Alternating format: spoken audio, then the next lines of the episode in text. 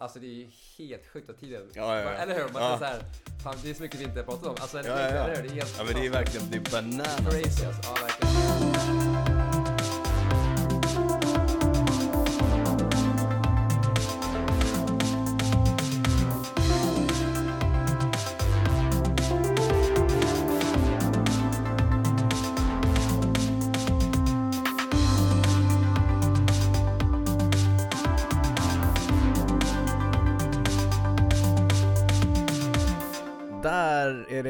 Återigen söndag kväll varannan vecka. Vi sitter i Cykelwebben-podden-studion. Det är jag, Daniel Rytz, mitt emot mig sitter Niklas Hasslum och dagen till ära till höger om mig, till vänster om Niklas, mitt emellan oss så sitter vår hemliga gäst som vi har Ja. haft lite, vi har haft lite På spåret liknande frågesport idag på Instagram för att komma fram till vem det var. Mm. Vi visste ju vem det var. Ja, Vi, ja det var, det var Ja. lättare att göra ledtrådarna när vi visste vem det Men var. det var lite kluriga ledtrådar. Mm. Det var, tog ett tag innan folk började haja Ja, vem vi det försökte vara lite lustiga, På spåret lustiga och inte ens den hemliga gästen förstod eh, en av mina fyndigaste ledtrådar. Vi, vi återkommer till dem. var. Ja. Men först säger vi varmt välkommen till Cykelwebben-podden Fredrik Kessiakoff. Tack så mycket. ja, kul att du äntligen är här. Äntligen är jag här i podden, ja. Det dröjde 59 Ja, eller hur? avsnitt. Äntligen fick jag ett samtal. Ja, Ja. Du, har inte, du, Ja, som jag väntat. Ja. Alltså. du har inte velat säga någonting. Nej. Men så sprang vi på varandra häromdagen. Då tänkte jag nu, nu, nu ställer jag frågan. Ja. Ja, gick ner på Hopp. knä. Nej. Nej. Eh, nej, jättekul att ha dig med Fredrik. Du är ju för många känd som en eh, duktig mountainbikecyklist. En hyfsad landsvägsåkare. Och nu med, jag berättar om det här, men det, du kommer få Du, berätta bru- mer om ja, du brukar ställa frågan. Berätta lite om om dig själv, men jag tänker att jag, jag bara tar det. Ja. och eh, aktuell som eh, ganska nybliven förbundskapten för våra mountainbikecyklister. Mm, det stämmer bra det. Ja, det var, jag tog det, okej, det var det. Tack för att du kom. Ja, nej. Eh, Niklas, eh, 59 avsnittet av podden, sjukt att det är så många. Hur många Ja. färre än antal hela kilometrar som Mattias Pronk körde när han eh, tog timvärldsrekordet på Derny på bana är det? Sju va? Kommer Var det inte inte 66? Jag kommer faktiskt inte ihåg. Vi behöver hitta en roligare sak att relatera hur många avsnitt vi har gjort. Men det är kul att säga Mattei Pronk. Ja, det är ett jag. roligt, roligt Mm. namn. Du, eh, innan vi går vidare Niklas så tycker jag att vi berättar att även det 59 avsnittet eh, presenteras i glatt och gott samarbete med eh, Narr Chocolate. Ja, Mm. Så hur, går det med eh, liksom chokladätandet? ja men det går bra. Eller nu går det lite sämre. Jag Ja. har ätit upp det mesta. Ja just det, men vi har lite Vi reserver har lite kvar. kvar. Fredrik Fredrik har var- suttit och nallat här på några. Ja, Mm, vilken, eh, vilken var favoriten? Vilka tyckte du var, var bäst? Det står Ja, under Man där kan det är. läsa under har vi lärt oss. Under här, okej. Så man, vi gjorde det. Jordgubbar. Jordgubbssmaken där var riktigt bra. Jordgubb, ja vad är det? Mandel? Jordgubb? eh, Ja, Ja. jordgubbsmandel ja, Mm. precis. Den är bra och eh, förrädisk för oss cyklister som vill eh, hålla vikten. Om man ska bli bra uppför är det viktigt. Ja, att- jag har käkat väldigt mycket sallad senaste tiden faktiskt. Jag käkade, för dig Fredrik som kanske inte har koll på min, eh, min viktresa senaste, senaste veckorna men ja, det blev lite mycket choklad där. Vi fick ju ett, eh, ett paket. Ett stort paket. 10 kilo choklad. Okej, oj. Hade lite Oj. svårt med disciplinen då. Ja, Så mellandagarna, mycket choklad. Ja, det låter farligt. Efter Ja. nyår, mycket sallad. ja, Ja. ungefär så. Men eh, Nar Chocolate, eh, familjeföretag i, från Ödeshög. Gör enorma mängder choklad varje dag, 8 till 10 ton har vi lärt oss. Oj. Det är mycket. Wow. Ja, Det- det är Det är rätt sjukt faktiskt. De har eh, fabriksförsäljning, så att om du har vägarna förbi Ödeshög, om du är på väg ner på Mm. E4 där, Mm. sväng in, köp lite gott och bland, inte gott och blandat, men gott hos Alltså gott och blandat. Och hälsa från podden om ni gör det, kära lyssnare. Mm. Eh, stort tack till Narr. Påminner också om att Narr har ett eh, cykelteam som ska ta sig an eh, Vätternrundan. Det finns ett cykelintresse hos Narr Chocolate, så att eh, Narr Chocolate Cycling Team, Team Narr, Mm. De- Går att följa på Facebook. går att följa på Facebook och Instagram. De ska köra Vätternrundan under åtta timmar. Vi önskar dem lycka till. Vi hade egentligen lite eh, spännande nyheter om eh, Team Narr. Som, Cliffhanger, eller? Det, men det blir en cliffhanger till, till nästa gång. Som alltid, du Ja. lovar saker och jag så... lovar saker och så kommer det gäster som Fredrik, så att nu får vi skylla på Fredrik att vi inte kommer här. Men vi återkommer naturligtvis till när framöver. Så här i inledningen så brukar vi också prata om vad vi har gjort eh, sen vi poddade senast. Mm. Niklas? Eh, ja, jag försöker hålla igång lite här, som Du, sagt. du cyklar en hel Mm, del jag nu. cyklar en del. Mm. Eller en he- sa du en hel del? Ja, jag sa en hel del. Ja, det stämmer inte. Nej, okej. Jag cyklar en del. ja. tre gånger i veckan kanske. Det är ändå... Ja, Det är okej. Ja. Jag är fortfarande vegetarian, Ja. fortfarande vit månad. Ja. Mm. Yes. Som, som sagt, som jag var inne på, jag försöker eh, komma i form här efter mellandagarna. ja. jag sprang igår också, jag har Ja. haft problem med mina vader. Ganska många gånger. Mm. Men nu, nu känns det bra igen. Det har varit lite av en återkommande, en följetong här i, här i podden. Ja. Fredrik, vad har du gjort sen vi poddade senast? Ja, det... Ja du. Levt livet. Ja, härligt. Eh, tränar du någonting? Eh, Just nu väldigt lite. Mm. Ehm, Jag har väl en förmåga att gå in i ganska mycket i det jag gör och om det inte är att jag ska cykla själv så blir det fu- full fokus på allt annat. Så att Mm. eh, framförallt förbundskaptensrollen har varit ganska tagit ganska mycket tid. Jag har varit i Falun på ett eh, läger med landslagscyklister Ja. och eh, nu senast eh, igår, eller jag kom upp i morse hem från Kalmar eh, en cykelgalan där vi delade ut eh, årets postcyklist, priserna då, herr och dam. Kul, vilka blev årets eh, postcyklister? Ja, det var Gustav Johansson Ja. på bana, herre, och eh, Jenny Rissveds Mm. eh, som dam. Så att, eh, ja men välförtjänt. Välförtjänt. Kul. Men när du Stort säger att du er. inte tränar mycket, vad innebär det? Ja, det innebär att jag inte tränar mycket alls. Jag tränar, senast jag tränade var kanske två veckor sedan. Ja, oj. det är ändå Och då, ja. då skulle jag åka med ett gäng. Och eh, jag vände hem efter eh, ja, knappt en timme. Ja, jag har hört talas om Ja, det här. för då kände Ja. jag att äh, det här kommer inte jag att greja. Nej. Okej, då har formen jag- är alltså... Ja, den är, är så, dålig. ja, den är under isen Ja. kan man Oj, säga. oj, Men det är ju samtidigt, nu är vi någonstans, vi är ju mitt i januari. Ja. Mm. Och jag känner att ska jag vara i bra form någon gång så är det inte i mitten av januari. Nej. Så att jag Nej. tänker att jag sparar på mitt krut och sen kommer jag sen till lagom tills att det börjar bli sol och lite skönare Ja. och man kan köra med kortärmat och kortbent. Rätt. Då kan man cykla fort och då är det kul att cykla fort. Ja. Så här års, äh, jag kan göra, jag kan fokusera på jobbet och annat. Ja, det är helt rätt. Bra. Stressa inte. Mm. Det, det har vi med oss från Mattias Räck, vår eh, demontränaren, eh, proffstränaren Mattias Räck. Stressa Men inte. eh, då Nej. går vi över till Daniel som tränar 20 timmars i veckan. Precis. Nej, men jag, jag tränar ganska mycket. Det, det jag har gjort sen senast är att jag har börjat följa ett träningsprogram för första gången på säkert Va? 10 år. Ja, Sjukt. Mhm. sjukt. Jag har lagt upp ett träningsprogram med en av de populära träningsapparna. Inte Zwift, utan Nähä. en av de andra. Mm, mm, kanske återkommer till vilken. Men eh, det innebär att jag lägger upp, det är tre träningspass i veckan enligt eh, rekommendation från den här appen. Mhm. Och eh, Men sen lägger du till egna väl? Ja, sen utöver Ja. det så kör jag, det är i veckorna och sen så kör jag Mm. lite distans på helgerna. Mm. Eh, så jag har kört eh, två veckor enligt det här programmet, lagt upp i, i tillsammans med vår eh, klubbkamrat och kompis Gustav Deijert. Han är ju också svensk mästare i Jaha, H40. du har tagit hjälp av honom? Tagit hjälp av Gustav, lägga upp ett litet program här. Mm. Mm. Vi får se om det ger utdelning eller inte. Kört... Eh, Är det- Ska vi ta det här som en hint om att du också satsar på SM? eller? Absolut inte. Nej, vi vet okej. inte ens om det blir ett SM i år. Fredrik, Du som, du som sitter i cykelförbundet, vi kanske Ja, kan återkomma, vi kan till återkomma det. till Ja, det. det gör vi. Det gör vi. Du, innan vi går in i själva liksom Fredrik Kessiakoff specialen, där du ska få berätta allt om dig själv, så ska Niklas rabbla massa namn. Ja, just det. Ja. För vi har ju det här som heter Patreon. Just det. Där man kan. Stötta podden ekonomiskt. Ja.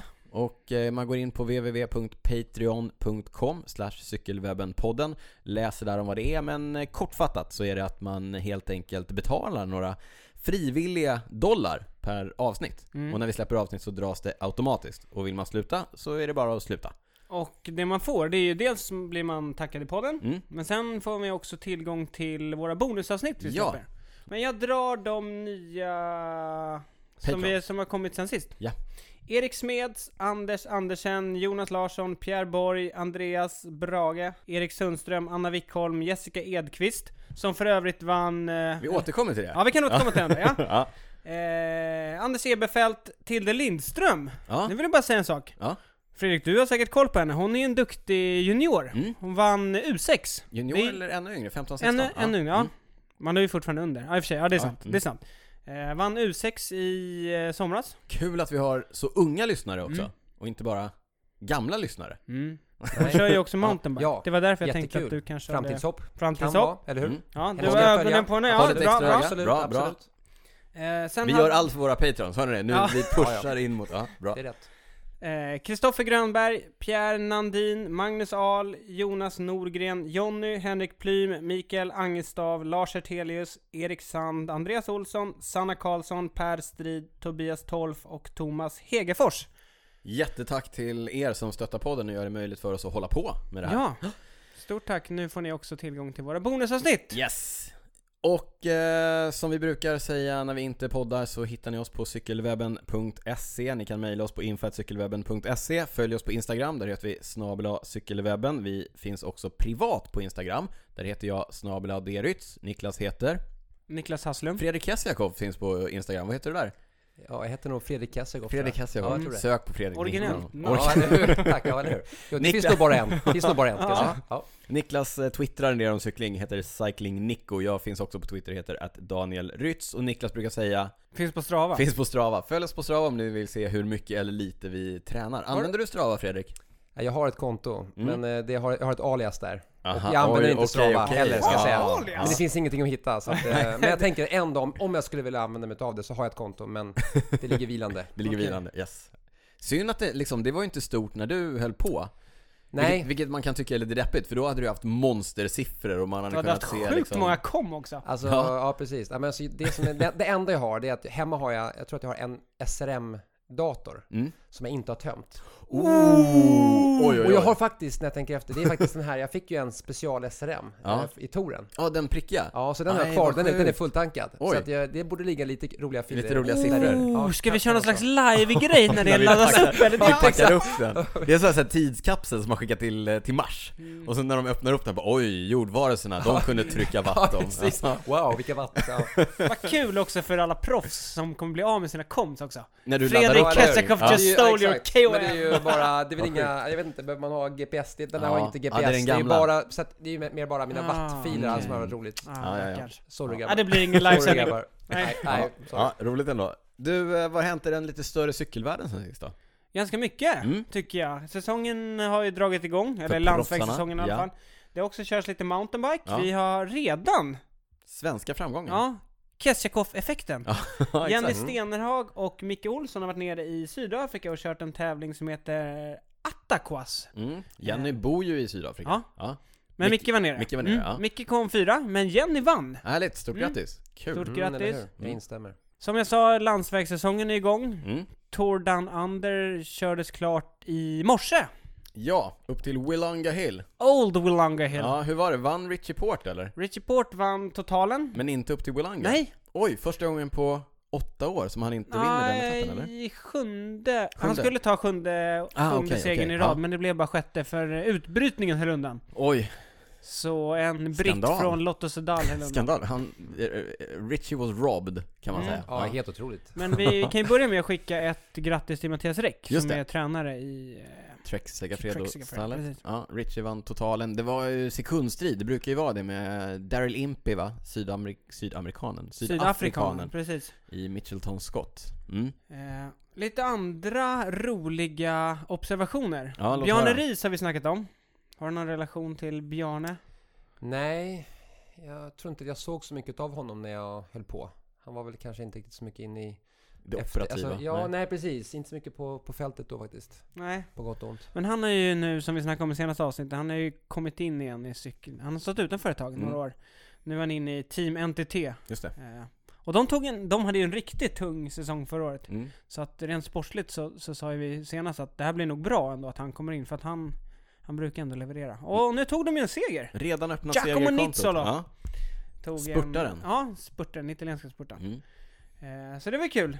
En, en annan grej som inte var så mycket med cyklingen, eh, David eh, Lapartient. ja, UCIs Ja, president. UCIs president var där. Och flög ner i några dagar. Mm. Dels Som sa de gör UCI, Ja. flyger runt. Flyger ja. runt, flyger ner. Whining Eh, and Men en dining. rolig sak som Mm. kom fram, det var att han sa att UCI jobbar på att eh, starta ett gravel-VM. Klart de gör. Gravel-kingen, hur, känns, hur känner ni Ja, för jag känner att det här kan, eh, det är där, nu har vi ett mål. Ja, Masters-VM i gravel, där har vi mitt mål. det är det. Mm. Nu, Vad, vad tror vi om, eh, tror vi om det? om gravel-VM? Eller inte, alltså, inte. inte du i VM, men... Nej, nej men det är, väl, det är väl en sån här typisk eh, feltänk på samma sätt som man feltänkte när man skulle ha in snowboard och skateboard i OS därför att det är någonstans någon typ av så här sub eller counterculture som har startats därför att man vill bort från precis det här. Och så kommer UCI och säger så här: nej nej men vi vill ha er i vårt paraply. Det kommer ju bli knas liksom. Tror du? Ja det tror jag.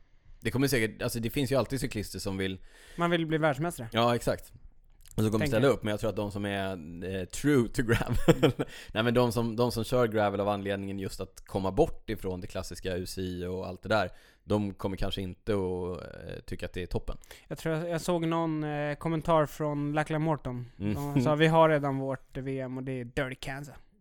Alright, oj, han gav det, ja, Alltså jag vet inte om det var en känga mot UCIs president, Nej. men han nämnde det. Ja. Eh, men kul att det är igång eh, med, med landsvägen. Ja men verkligen, nu känner Tyvärr jag det... så går det mitt i natten och sänds ju inte på Eurosport. ja, Jag har inte sett jättemycket Nej. rörliga bilder ifrån det Fredrik, har du kört eh, Tour Down Under någon gång? Nej, eh, det har jag inte gjort. Nej? Hur, var började du dina säsonger? Eh, jag var nog, ja nu ska vi se, i alla fall en gång i Argentina. Ja, Eh, Mm. San Luis va? Ja, San San San Juan. Juan, tror jag. San Juan. Juan, okej, ja. den drar väl igång eh, nu, Nu? i Ja, dagarna? är väl Ja, där har jag sett i alla Mm. fall. Eh, jag såg att uh, Evenepoel var där nere och... Remco, bra, Remco Niklas la- favorit, la- Niklas ja, favorit ja, men eller hur? Ja, men faktiskt, han måste man ju... Ja men på riktigt. Ja, på riktigt. Alltså det är ju sådär, han kan man ju inte Nej. bortse ifrån. Nej. Utan man vill ju verkligen följa honom med tanke på vad han gjorde som 19-åring och första års liksom, Mm. elit egentligen, eller Ja, U23. det är- Alltså de meriterna. Så att det blir häftigt att följa. Han Eh, kan an- bli något faktiskt. Mm. Annars hade jag kört, eh, annars körde jag en del, ofta började det nog i Europa. Mm. Eh, lite sådär uh, nere på spanska solkusten, lite sånt där. Lite senare. Mm. Så att Australien var jag nog ganska glad att slippa så tidigt. Mycket det blir ju en väldigt lång säsong och en Ja. lång resa och Någonstans tror jag man uppskattar den här svenska vintern och lite så här tuffa Mm. förhållanden. Det blir lite skönare sen när det blir 12 grader regn om man har Ja. varit lite längre i Sverige. Ja, eller, det är sant. eller hur? Än att komma hem därifrån och bara tycka att allt är Ja isär. det, ja, det blir som när vi åker till uh, Altea typ, Mm. och så kommer man hem och så är vintern lite sen här, när vi är Mm. iväg i slutet på mars typ. Så Ja. kommer man hem och så tänker man nu, nu, nu är Nu jag det bra igång. form, nu kör jag! Ja, och så snöar och så det är hemma. snö Ja. och så, ja, fiasko. Jag ville bara säga, damerna körde ju också i, Mm. I eh, Australien? Ja precis, Mm. Australien. Där vann Ruth Winder, också där trexiga Fredo. Just det. De verkar, vara, de verkar riktigt bra tränare. Ja. Eh, Faktiskt. Så Ja. den är inte lika stor, damernas tävling. Så Nej. att, eh, det var inte lika, lika många proffslag. Men det är igång. Det är igång, Eh, det är igång. Något annat som är igång och som redan är inne i sin andra deltävling, det är den här Svek Cup, Svek Cup, Svek Cup på Zwift. Just alltså det. den digitala Svek-cupen där eh, vi kan tävla mot varandra sittandes på cyklar i våra hem. Mm. Ni, ni är med på vad det, vad det innebär. Andra, Frågar oss eller? Ja.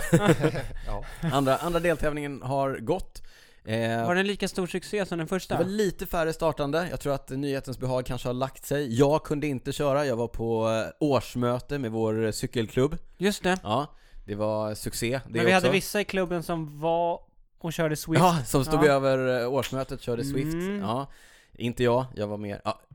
Strunta i det nu. Eh, segrade gjorde Jessica Edqvist, som du nämnde alldeles nyss som. Patreon till podden. Jättekul, grattis Jessica. Och eh, Ulf Becker, eh, som väl var två eller tre tror jag förra gången. Eh, så Ulf... Eh, Duktig och- cyklist, han kör väl i, körde i ryska posten va? Ja, precis. Bröderna Becker, starka. Och... Eh, Men det kan vi säga nu med ryska posten, det har Mm. vi inte snackat om väl? Nej det var precis, jag, jag tänkte göra den övergången. Ah, okej, du får göra sorry. den. Ja.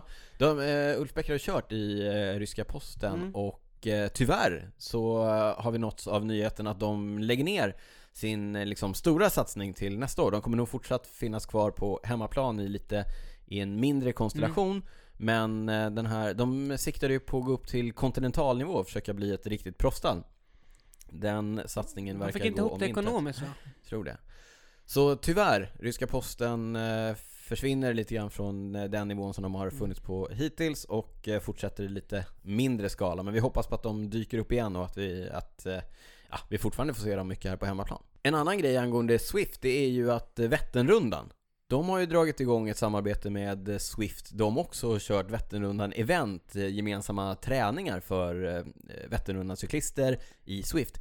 1400 personer eh, var anmälda, jag vet inte hur många som faktiskt körde i den första gemensamma Vätternrundan cyklingen Men då är Swift. det en tid liksom, och sen Ja. så loggar man in och så står man där i start. Ni märker att Niklas aldrig har kört ett Swift-event. Man anmäler sig till ett event och så står man i startfållan och sen så kör man gemensamt enligt... eh, Fredrik, backa upp mig här. Du har inte heller Ja, kört ja, va? jag, jag har faktiskt kört. Jag har ett, eh, Ja, ett, ett ett, Swiftpass. eh, ett Swiftpass Ja. Okej. med, med Skoda Cycling Ja. Team.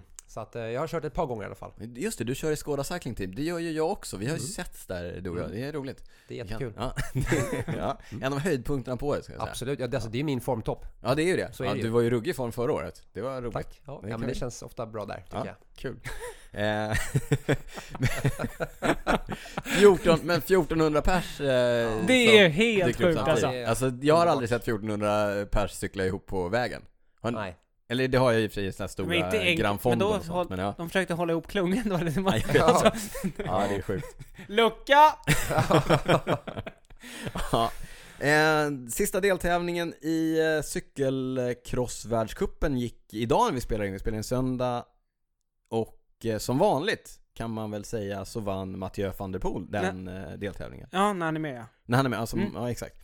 Svårt när han inte är med. Eh, I eh, Hogerheide i Holland, så det var Mm. på hemmaplan för Mathieu. Han sa det innan att det är lite av hans hemmatävling. Mm.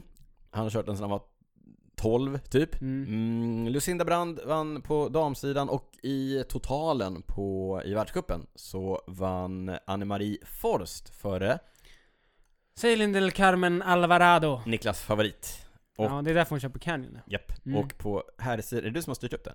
Ja, ja, det, Ja, det är bara min förtjänst faktiskt. bra, bra uppstyrt. Ja. Eh, på herrsidan vann Tone Arts före Eli Iserbit. Och, Det är ändå eh, lite sjukt tycker jag. Alltså, ja, van der Poel måste ju ändå vunnit några... han har ju vunnit alla som han har kört men han har inte kört Det tillräckligt många. räckte inte liksom. Nej. Oj, nej. Nej. Du eh, har skrivit, Jag har skrivit in, eh, in Denise Betsema här. Mm. Eh, hon, hon dominerade ju, eller var en av de bästa förra året. mm. Sen blev hon ju avstängd, hon testade positivt för eh, anabola steroider tror jag. Ja, det, mm.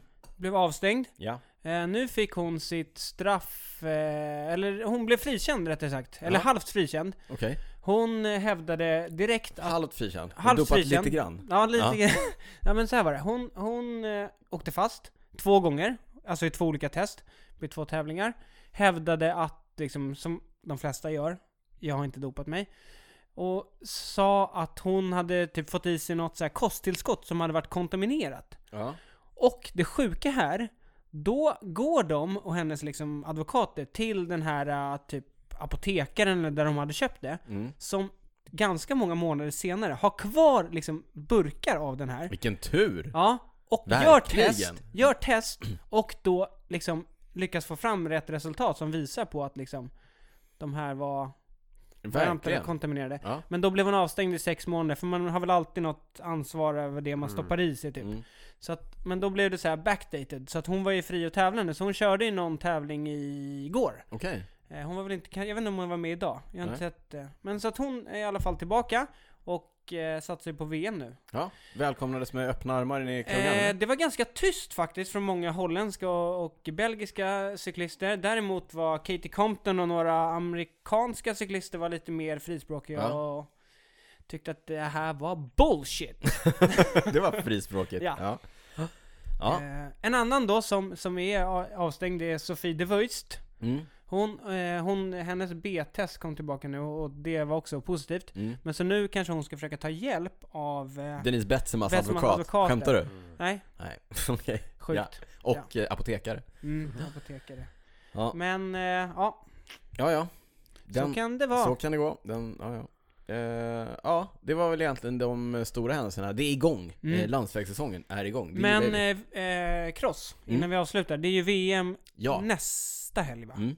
Nästa helg. Nästa helg. Ja. Så det blir den Ja, ja, stora. ja, okej, vi laddar lite. Ja, Vem jag. håller du som stor favorit på här sidan?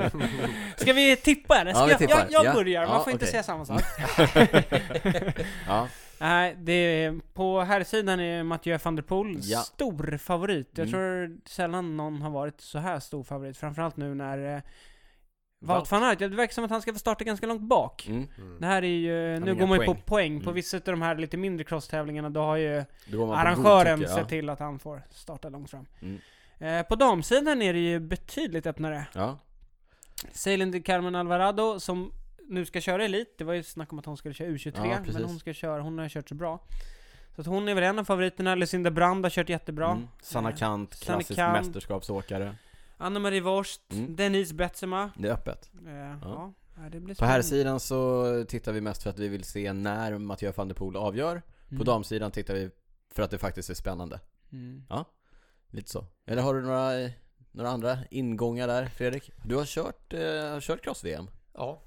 Ja. ja. Som U23. Som U23 har jag kört cross-VM. Nej men alltså... men alltså, inte elit? Nej, jag tror inte att det var Elit. Nej. Nej, Nej, då går vi var vidare. Bara, ja, exakt. Så att, ja, veta. Ta nästa. Ja, nej. Ja, men du vet, jag är så gammal nu så att, ja, allt hände för det var decennier sedan. Kommer, du ihåg, kommer du ihåg hur det gick? Ja, inte så bra. Nej, okej. ja, ja. Men det var bra erfarenhet. Alltså, Ja. det ska man ju ta med sig. Ska körde du någonstans? Alltså var i världen var det? Eh, Jag körde nog, ska jag säga, nog i Holland och om det var Tjeckien. Ja, du kört två? Mm. 22. Två VM? Jajamän. Okej.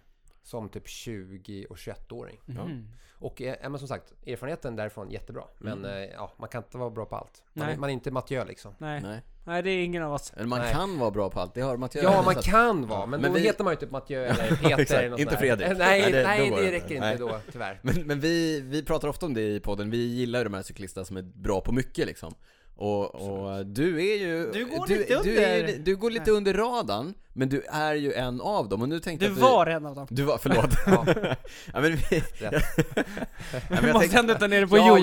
jag, ja, det är ni som håsar mig så att det är lugnt. Det är lugnt. Ja, nej, men vi, vi, men vi, nu tänker jag att vi kommer in på det, så... Men vänta, innan vi går in på Fredrik. Ja. Du har alltså inga prylgrejer idag? Jo, det kommer! Ja, det kommer. Jaha, nej nej nej, du menar så? Ah, Okej, ja, vi kommer kan- det ett prylsvep eller inte? Vi tar prylsvepet lite på slutet, för Okej, det är väldigt, okej, väldigt kort. okej, ja. ja. Mm. Så nu går vi in på Fredrik. Mm. Fredrik, eh, men berätta, så här, bra på olika grejer. Du började ju som eh, mountainbikecyklist. Mm, stämmer. Ehm, jag är uppvuxen i Saltsjöbaden. Ja, I alla fall stora delar av min uppväxt i Saltsjöbaden. Mm. Och där har vi ju Nackareservatet, Hellasgården. ja. Så att eh, för mig då när jag började idrotta och hitta det här individuella idrottandet eh, och friheten med cykel så tog det fart. Mm. Hittade väl någonstans att jag hade någon sorts bra förmåga för det. Och sen kom ambitionerna. Och sen, ja, rullade det bara på. När började du satsa ordentligt? Eh, Jag spände bågen rätt högt eh, som andraårs junior. Inför, alltså jag körde mitt för, jag körde första års junior och 17 bast. Jag hade en, rätt, eller hade en dålig säsong. Kände att det här var inget kul att vara så här dålig. Så då eh, tog jag lite ansvar och eh, skrev lite brev, bland annat då till Stockholms cykelförbund. Eh, om att få lite hjälp av, med träning och sånt där. Och fick det. Fick tränare. Och sen då när jag var 18, andra års junior, då vann jag en världscup för juniorer. Och var två på en annan då, hel- Raket, helgen eh, ja. innan då. Ja visst, och vann första Sverigecupen och Okej. Sen hade jag då Gustav Larsson, Mm. eh, Tempo-Gustav som, han var ju vi är lika gamla. Silver-Gustav. Mm. Ja, eller hur? Ja. Men, men eh, OS-silver. Mm. Ja. precis. Och det SM då, som junior, då var jag ju tvåa, så var han etta då. Så vi var en jättebra generation då också som Mm. kom och det också förstås då Sporrar under- varandra, varandra. Hela, hela ja. min så att säga U23 sen också då. Men du, jag, jag backar lite, för nu pratar Mm. du om sen när, när du kommer in i tävlingsmode och som Mm. junior och börjar göra resultat sådär. Vi har ju, vi känner ju varandra. Mm. Eh, och vi har ju också lite gemensamma vänner. Mm. Och de gemensamma vännerna var ju de som du började cykla med när du var liksom riktigt liten, de, liksom, när du verkligen började cykla. Mm. Och jag har ju hört då att så fort du bara kom ut på cykeln så var det någonting helt annat. Alltså du var ju stark direkt liksom. Ja, alltså jag minns ju att det klart att det var jobbigt att cykla med dem och framförallt för att det här var ju äldre kompis. Alltså Ja. alla jag cyklade med var i princip äldre. Mm. Eh, och jag var ganska liten till växten. Eh, men jag vet, och de var ganska seriösa de jag cyklade med. Mm. Eh, framförallt vår ena gemensamma vän där. Patrik, och vi kan säga Patrik, det, Patrik, Patrik, ja. precis. Alltså Verge Patrik. Verge Patrik, Patrik, ja, precis. ja, ja. Absolut. Ehm, och så att jag tror att han också... Ja, men jag tror att eh, han såg nog mycket talang i mig. Mm. Jag, jag, alltså, jag bara cyklade liksom. Eh, men jag, tyckte, och jag, jag visste ju att jag hade väl... Jag tyckte det var kul. Så att det var kul att ta i och liksom, det, ja. Och jag tror också att det var väl därför också som ambitionerna så småningom Mm. kom också med på det. Men det här är ju någonting som vi ofta säger, om man vill bli bra på någonting och bättre på någonting så finns det ju inget bättre sätt att göra det än att göra det med folk som är bättre och som har mer rutin och som har någonting att lära och som man bara kan, bara genom att vara med och cykla med och titta på och prata med så lär man sig mycket och det, det är precis det som hände. Men hur gammal var du då? Alltså när, ni, när du började cykla så ändå, med dem? Då liksom? var jag nog så här 14-15. ja. Men då var det Eh, landsväg eller var det Då var mountain? mountainbike. Mountainbike, Mm. ja. Så jag gick ju i Patriks då i det här fallet då. Han, jag gick i hans lillebrors klass och så var Patrik fyra år äldre än mig. Så att det var ju ett steg upp, men eh, som sagt ganska snabbt. Jag tror precis som du sa där, där Daniel, att liksom, man ska ha... Du ska utvecklas hela tiden. Då måste du också köra med någon som är lite bättre. Mm. Eh, och Patrik hade liksom ambitioner redan på den tiden och jag drogs med i det där. Och sen bara det ena ledde till det andra i princip. Mm. Och sen var det mountainbike för hela slanten kan man säga. Ja, det Ganska var det. länge. Det var det ganska länge ja. Jag, jag, jag körde ju 100% mountainbike men alltså jag, jag funderade hur jag skulle om jag nu ville bli bra på mountainbike, hur ska jag göra? För att jag upplevde inte att det fanns någon direkt väg att gå som svensk. Eh, och då, jag sneglade en, en hel del så småningom då när jag kanske var 19-20 så också lite grann på landsväg. För jag Mm. kände att, ja, men, om man nu ska leva för sin sport och har det perfekta optimala upplägget. Så någonstans där har ju landsvägssporten, alltså där kan man, cyklisterna kan leva som cyklister för att de har allting runt omkring servat och det är ordnat. Och det går att titta på hur de lever, hur de, för de blir så jäkla bra, visste man ju ändå. Mm. Alltså jag, jag följde ändå touren 96 och sen när Bjarne väl tror jag vann. Ja. Sådär. Så man hade lite sånt där, man sneglade på det. Och i samband med att jag höll på att fundera på hur jag skulle bli bra så fick jag också möjligheten att köra för Team Crescent. Just det. Och då var jag nog 1920 sådär. Och de hade ju ett... Det var ett, förlåt jag Ja. bryter in, landsvägs, eh, svenskt landsvägsstall, körde på ganska, eh, division 3 som det hette då, som motsvarar kontinental nivå. Mm. Jättemycket riktigt duktiga landsvägscyklister som, som körde där och ett bra tävlingsprogram och upplägg också. Exakt. Och de hade då också, och det var väl det som var bra också, de, de tog då också in mig och två andra som MTB-cyklister. Mm. Så vi var MTB-cyklister parallellt med de här landsvägscyklisterna. Och la- landsvägscyklisterna, där fanns bland annat då Gustav Larsson då. Så att jag, Gustav Larsson och sen en kille till, Tobias Lergård. Vi började liksom hänga. Så att Mm. de samlade också hela, alla de här cyklisterna på en och samma plats. Först i, i Borås. Yeah! och sen så var vi tvungna att fly från regnet. ja, ja, det till kusten på Varberg. ja. Till, Eh, in i blåsten istället. Ja, ja visst, men det är det som inte dödar liksom. Nej, men så att, så att och, och då var det att vi hängde extremt mycket, men vi hängde ju som som, som proffscyklister. Vi levde verkligen livet som Ja. proffscyklister. Vi tränade och vi åt Då var ni superseriösa liksom. Superduper, Ja. alltså det fanns inget annat. Det var ingen bärs. liksom, Nej, Nej. det var liksom det som var, vi, vi syndade med tv-spel. Det var det som fick tiden att gå. Men fan har inte gjort det alltså. Ja, det Nej, hände. precis. Så Ja. att eh, kvällarna bestod ju av tv-spels... Ändå ganska snällt syndande Ja. Ja men alltså precis, Ja. jo men alltså någonstans, det är ju någonstans den enkla sanningen liksom. Mm. Man får ju synda med det som inte, så att säga, förstör någonting annat. Cykla, Ta äta, sova, spela Ja. tv-spel. Exakt, så Ja. var det verkligen. Vilket drömliv. Så att, eh, ja, nej men, eh, ja, men du vet, så här, nu när jag tänker tillbaka på mina liksom, cykelår så är det ju den tiden som var det roligaste. Ja. För det var ändå lite äventyr. Skön det, det, var, tillvaro, ja, ja, men det ja. var en härlig tillvaro. Ja. Det var kompisgäng och kompishäng. Eh, och inga, inga, inga familj eller sådär, utan det var bara, det var bara liksom Fokus oss. på sig själv. Verkligen. Ja. Så att i den vevan så började jag cykla lite landsväg. Som komplement då till MTB-cyklingen. Eh, Men jag bestämde också då att eh, efter ett år eller två där att eh, nej, men även om jag tyckte att det var spännande med landsväg så kände jag att nej, men nu fryser vi landsvägsambitionerna och nu kör vi 100% mountainbike. Det var ganska tidigt i och för sig som jag bestämde att Mm. jag tar verkligen landsvägscyklingen som komplement, ingenting annat. Resultaten ska ske på en MTB-cykel på tävlingsbanan liksom, banan för MTB. Mm. Och sen om jag tränar på landsvägscykeln, om jag liksom, tävlar och tränar på landsväg, det, det må vara hänt, men det är inte där jag ska göra resultaten, det är inte där det räknas. Och sen då vart det att jag till slut blev proffs på MTB då. Mm. Men därifrån så, du blev ju eh, heltidsproffs och internationellt proffs. Du, eh, du, flyttade, du flyttade från Sverige. Lämna Sverige Fredrik. Ja, alltså jag gjorde ju det här i, i två steg egentligen. Mm. Så jag gjorde ju först då, jag körde ju där Crescent fram till eh, 2002. Jag hade min bästa nationella säsong då. Vann det mesta. Ehm, Det vill säga att konkurrensen här hemma tog slut. Mm. Och då kände jag också att det var, red, det var liksom dags nu då. Då var, det, nu var jag mogen att, ta klivet ut i världen. Och då fick jag chansen med eh, Motorex Bianchi. Som ju då ligger under, alltså Bianchi är ju systerbolag till Crescent. Mm. Så att med lite kontakter där så fick jag chansen med dem och eh, flyttade ner på våren till ett hus som de ordnade åt mig. Eller, jag, alltså, jag- ja, i Bergamo. Bergamo. Jag delade alltså ett, ett rum med två våningssängar med ett landsvägslag. Eh, där hade jag en liksom en av fyra sängar i det här rummet. Eh, och, eh, Det låter det. Låter flytta, lyxigt, flytta till Italien, Ja, bli proffs. Precis, Ja. exakt. Det här är verkligen eh, ja, inte så glamoröst. Och, och det var liksom, det var, det var alltså problemet var att jag flyttade ner dit för att då börja få liksom, bättre konkurrens. Men jag varit jättekonstigt eh, behandlad där nere. Eh, jag minns mycket väl min, en av mina första tävlingar med min då eh, lagledare där och då stod han och skrek Ta det lugnt Fredrik, ta det lugnt Fredrik under hela tävlingen och jag förstod inte Alltså jag har aldrig hört någon heja, ta det lugnt. Och kom igen, kom igen, kör, kör, det är bra, bra, bra. Mm. Han sa, ta det lugnt, tranquillo Frederico, tranquillo. Bara, det är mountainbike, det är liksom all in i en och en timme. Vänta nu, va, Vad är varför det säger han sådär? Och sen var det flera helger på raken då som han liksom de ringde mig på fredag, de ringde mig på fredagen då, dagen innan liksom vi skulle åka till en tävling. Ja Fredrik, eh, nej men alltså vi har kollat här och vi tror att det är bättre att du stannar hemma och, och, och tränar den här helgen. Och, och så där var det säkert, om det var två eller tre helger på raken och jag kände till slut att vad gör jag här? Och Det är liksom, något lurt här Det är alltså. någonting jättekonstigt. Ja, men Ja. jag, och jag vet inte än idag. Mer än att jag inte älskar den här personen som, som behandlar mig så här. Så att jag det gick ungefär eh, knappt halva säsongen där nere. Jag hade väl komma kanske till maj. Då åkte jag hem för att ta liksom ett litet break.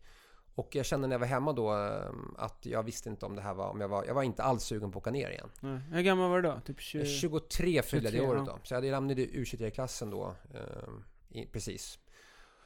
Jag jag körde någonstans halvdant resten av året där. Eh, men träffade också i samband med det eh, min eh, nuvarande fru då, Maria. Och då ganska tidigt så faktiskt sa jag till henne så här att ah, men du Maria, nu får du bestämma hur vi ska göra. Antingen så... Jag, gillar, jag gillar att cykla. Ja. Ja men exakt, jag gillar att cykla. Eh, hon- kommer lite grann från cykel, hon har cykelbakgrund Mm. eh, sådär, så hon visste väl kanske lite grann om vem, vem jag var.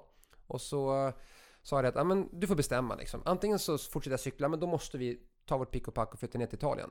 För jag visste ändå att jag hade ju med Det är det mig... som krävs liksom. Ja men exakt, och jag visste någonstans att jag, jag hade i mig att ändå någonstans, eller jag ville ju mer, men jag visste också att jag kan inte göra det med de förutsättningarna som jag hade, utan jag var Nej. tvungen att skapa mig mina egna förutsättningar, men ner i Europa. Mm. Och då var vi tvungna att ta vårt pick och pack och dra ner till Europa och bo där nere. Eh, med min egen soffa, med min egen TV under mitt eget tak. Tv-spel. Tv-spel, precis. Spel. Ja, men i princip. Mm. eh, lite så. Eh, och, ehm, och så sa jag, antingen så gör vi det eller så bara struntar vi i det. Och så, Krökar vi här hemma. Ja men, ja, men vi, vi tar något jobb någonstans och vi flyttar någonstans vart du vill och sen liksom bara är vi tillsammans. För det är väl det viktiga. Mm. Eh, Jag kände någonstans att när jag var där nere i Italien året innan där, eller 2003, att liksom livet bara passerade och man insåg att det Det här, här är var ju inte toppen. det här är inte det jag vill. Nej, Nej. eller hur? Utan jag vill ju i så fall liksom prestera på cykeln, annars får det vara. Men då var det så, sån tur att hon sa ju då att ja men det är klart vi kör. Mm. och det var väl tur nu då. Men Du kör. jag kör. ja, exakt. Nej men hon sa att jag, hon sa att vi, det är klart att vi ska göra det här. Det var ganska, Mm. det kom ett ganska, Mm. det var ett ganska snabbt svar. Men jag har ändå kunnat ändå kunnat påminna henne om det. När hon tycker att det är jobbigt och tråkigt Ja. så kunde jag säga att men vänta nu. Det var som- Det var du det som- var du som ville det här. Jag gav För- faktiskt Ja. valet. För 15 år sedan sa du, Ja, vi exakt. kör. Jo, jo, men alltså det, Men, ja. det men var det, inte så. det, är ju, det är ju vägskäl, det är ju verkligen, det har ju dragit iväg åt andra hållet. Men när, när släppte det liksom på mountainbiken? För att du, du var ju eh, framgångsrik, det gick ju, det gick ju bra. Alltså ganska snabbt faktiskt. Jag, Mm. Så vi, vi kollade på en karta. Eh, Jag hade ju som tur var lite SOK-hjälp vid den Ja. tiden, så jag fick lite ekonomisk stöttning. Svenska Olympiska Kommittén. Ja, så jag kunde liksom i princip bara cykla på heltid. Hade lite så här litet stipendium så jag kunde så att säga ha, fixa tak över huvudet och så. Och jag, vi flyttade ner, eh, vi kollade på en karta, eh, bestämde att någonstans kring eh, Varese-trakten borde vara optimalt utifrån ett logistiskt liksom, centra i Mm. MTB-Europa. Flyttade ner dit och sen ganska snabbt, det tog inte allt för många liksom, helger, så, ehm, så började jag ändå liksom visa att jag var där för att liksom, göra resultat. Jag gjorde resultat. Och sen tror jag att det året så var jag väl, jag tror till och med att jag var fyra på en vä- värld, på världscupfinalen. Mm, oj. Så att det gick ganska fort när jag väl För fick mina U23 för- eller? Nej, nej, nej. Då Nej, var då det var det elit, Då var det elit. Så fort det inte stod någon vid sidan och skrek 'tranquilo, tranquilo' Nej, då, precis. då Du skulle inte lyssnat på honom alltså. Nej, jag försökte bara stänga av det där, men det gick inte. Jag var tvungen att ta bort honom i mitt liv. Hatar du ordet Ja. tranquilo nu eller? Ja. Ja men det är väldigt Kalla konstigt att ropa. Jag alltså, ja, man kan ropa så i en landsvägsklunga om du har någon där bakom på Ja. väg ikapp. Men på en MTB-tävling finns det aldrig anledning att ropa ta det lugnt. Nej. Eh, Ja, vet, han verkar lurig. men eh, ja, jag träffade honom i som, om det var i somras eller förra sommaren och det, ja, ja, vi, det är väl någonstans, jag försöker att bara inte tänka för mycket på det men det var väldigt konstigt i alla fall. Ja. Men eh, du, det stora målet blev till slut eh, OS i... Jag körde två OS. Ja. men jag hade faktiskt, om jag ska backa bandet till och med, så är det så här. Jag hade, jag satte upp ett ganska tidigt mål för mig själv, för jag vann ju en juniorvärldscup. Mm. Och det, jag, då när jag vann den 98, då var det ju flera juniorer liksom innan som hade varit duktiga och liknande resultat. Så här. Men det var aldrig någon som hade vunnit en, en världscuptävling i elit. Exakt. Ja, det. Vuxen, så det var mitt så här. Exakt, jag kände här då när jag, när jag var 18, att vänta nu, om jag kan vinna som junior, borde jag inte kunna vinna som elit? Mm. Alltså det känns som att, men då borde jag ha det som krävs. Sen är det ju klart ett långt, långa, långt arbete under sådär, långt och hårt arbete under lång tid. Ehm, Så det var mitt, det mitt personliga mål. Och det lyckades jag. Jag körde ett OS först, kan vi hoppa in på det, 2004 i Aten. Då hade jag ännu inte vunnit en världscup. Ehm, Men 2004 var det året då jag faktiskt flyttade ner då med min Mm. nuvarande fru Maria. Till ett, så att det hände ganska mycket ganska snabbt där Ja. liksom. Mm. Och sen då, jag tror, jag tror att det var 2006 eller 2000... 12 var det då förresten. Ja, 12 i Aten. Det är ändå bra. Det var alltså, du vet. Från, från att ropa ta det lugnt till Ja. att jag året efter ändå betalar på, på Ja. OS. Det är ändå Ja. rätt okej liksom. Respektabelt. Alltså, och, och det är ju så SOK jobbar. De vill ju ha, man ska vara med, med på, ett- på ett OS, se och lära. Mm. Och sen fyra, Fyra år senare, så då jävlar. ja, Och på vägen dit mot de här fyra åren, då vann ju jag min världscup eh, deltävling då. När var det då? Eh, jag tror att det var 2006. Någon får, någon Mm. får kolla ifall det stämmer. Ja. Men... eh, Ja, du det, sitter väl inte och ljuger här? nej, jag hoppas inte Nej. det. Men Niklas det var, googlar, Niklas Ja, googlar. Nej, men det ja. var ju någon gång då i alla fall. Mm. Sex eller sju. Och ehm, så att då, då var det så här check liksom på det. Maribor, Ja, exakt. 27. Det stämmer. Ja. Ja, bra. Mm. 2007, ja okej, bra. Mm. Så att, och sen också var det OS-år året efter då. Och det är Mm. klart, då spände jag bågen jättehögt. Och jag hade gjort mitt Se och lära-OS i Aten. Och Då jag, var det i eh, Kina. Då var det i Peking, precis. Eh, och jag var en av de första i, av den svenska liksom, OS-truppen som var uttagen. Redan på hösten innan. Det Ja. var ganska få Så som blev uttagna. så Det du var- kunde det var- liksom... Ja, kunde Mm. gå in all in och det var, det var typ jag och Carolina Klüft som var liksom klara. Ja. Så jag hade liksom, jag, var, jag hade också visat att jag hade varit, jag tror på VM hade jag varit typ 4-4, 3 Alltså verkligen precis- Åren emellan Exakt, liksom. och jag Ja. kunde liksom, jag visste att jag kunde toppa formen. Mm. Jag visste ver- verkligen bra vad jag skulle göra och jag hade en ganska tydlig plan på OS. Problemet var att till OS-året så bytte jag stall. Och det, enda, och det som SOK sa till mig då när vi satt typ året innan eh, OS-året då 2007 att ja, men det enda vi, vi brukar säga till våra atleter som är sådär liksom medaljhopp det är att gör inga stora förändringar, byt inte lag eller något sånt där. Got it. Jaha, ja visst, eller hur? Ja, men det är sådär, nu, nu hade jag önskat att jag hade lyssnat bättre. Men jag hamnade i en situation där jag förhandlade med mitt dåvarande lag. Eh, skulle förhandla om ett avtalet då inför 2008, OS-året. Och eh, hamnade i en situation där jag tycker att jag varit eh, lite orättvist behandlad. Man, jag menar, man är ju oftast emotionell, eller jag var emotionell och tyckte att det de sa till mig då, liksom, det kände jag, vänta nu ska jag vrida mig ut och in här för dem? Som inte uppskattar mig, eller som Mm. säger saker som, inte, som att jag inte var värd Nej. vissa saker och så vidare. Mm. Och så fanns det någon annan som, som lovade guld och gröna skogar. Eh, och då, eh, tyvärr då, så liksom hamnade jag i den situationen att jag valde att byta lag.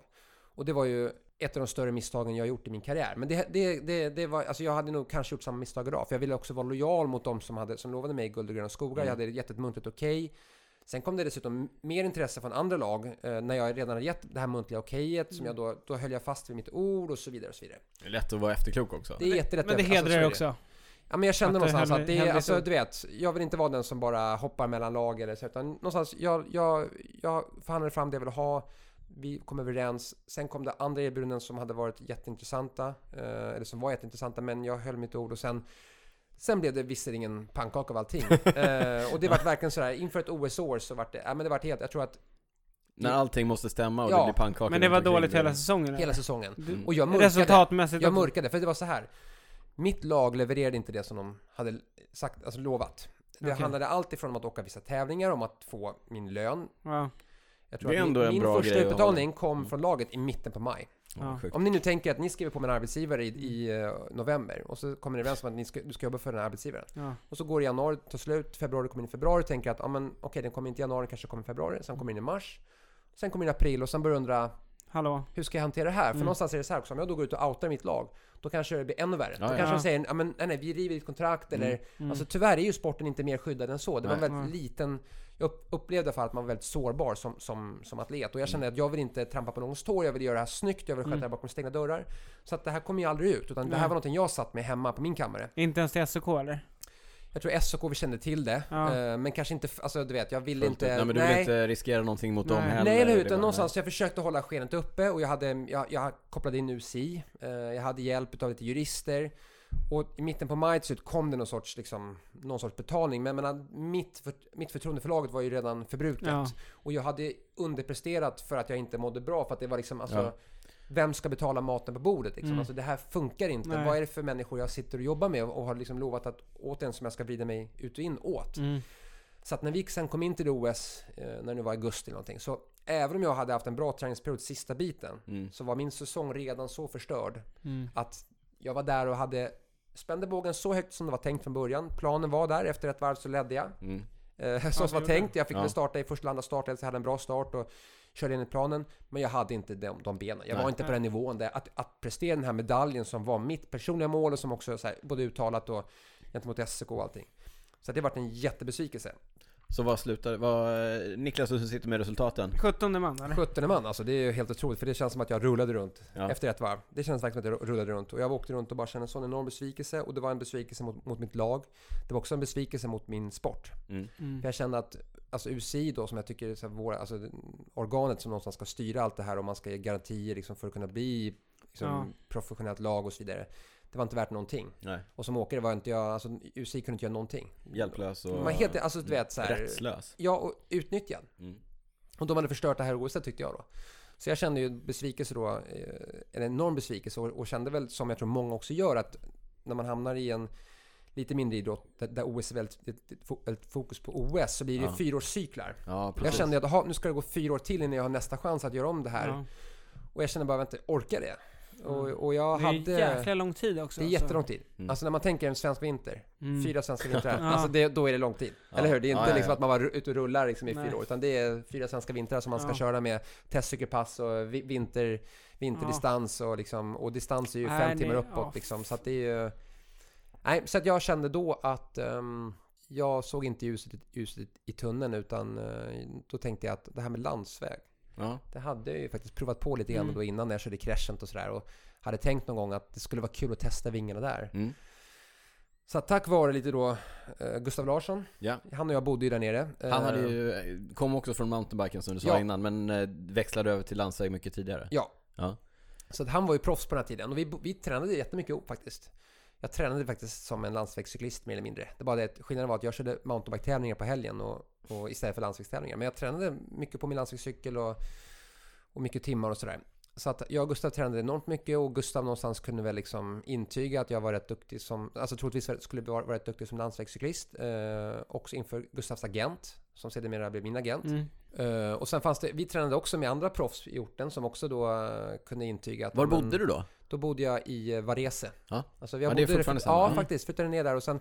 Jag kan ha flyttat över till gränsen, över Schweiz faktiskt, kan ha Mm. varit. Men det var i Varese-regionen, Lugano-regionen där nere. Just det. Ehm, så det var söder om Alperna så man fick lite bättre väder. Så, så där nere bodde vi och jag fick då chansen i ett lag då som heter Fuji Servetto. Mm. Det var den ledtråden som Exakt. du inte förstod. Nej, den förstod på- jag inte. Men nej. sen när du sa den så var Det var en bild på ett självklart. berg och... Det var, det var en bild på Mount Fuji och, Och servetter. några servetter. Ja. Det var jättebra. Ja, men Ja, sen tack. efterhand tycker jag att det var jättebra, för då förstod jag. Jag tänkte såhär, servett... jag tänkte- Berg tänkte jag först, ja det måste vara berg. Bergatröjan. Ja. Jag tänkte så. Och sen servett vit. Nej, jag förstod Nej. inte. Men sen Fuji Servetto. Ja.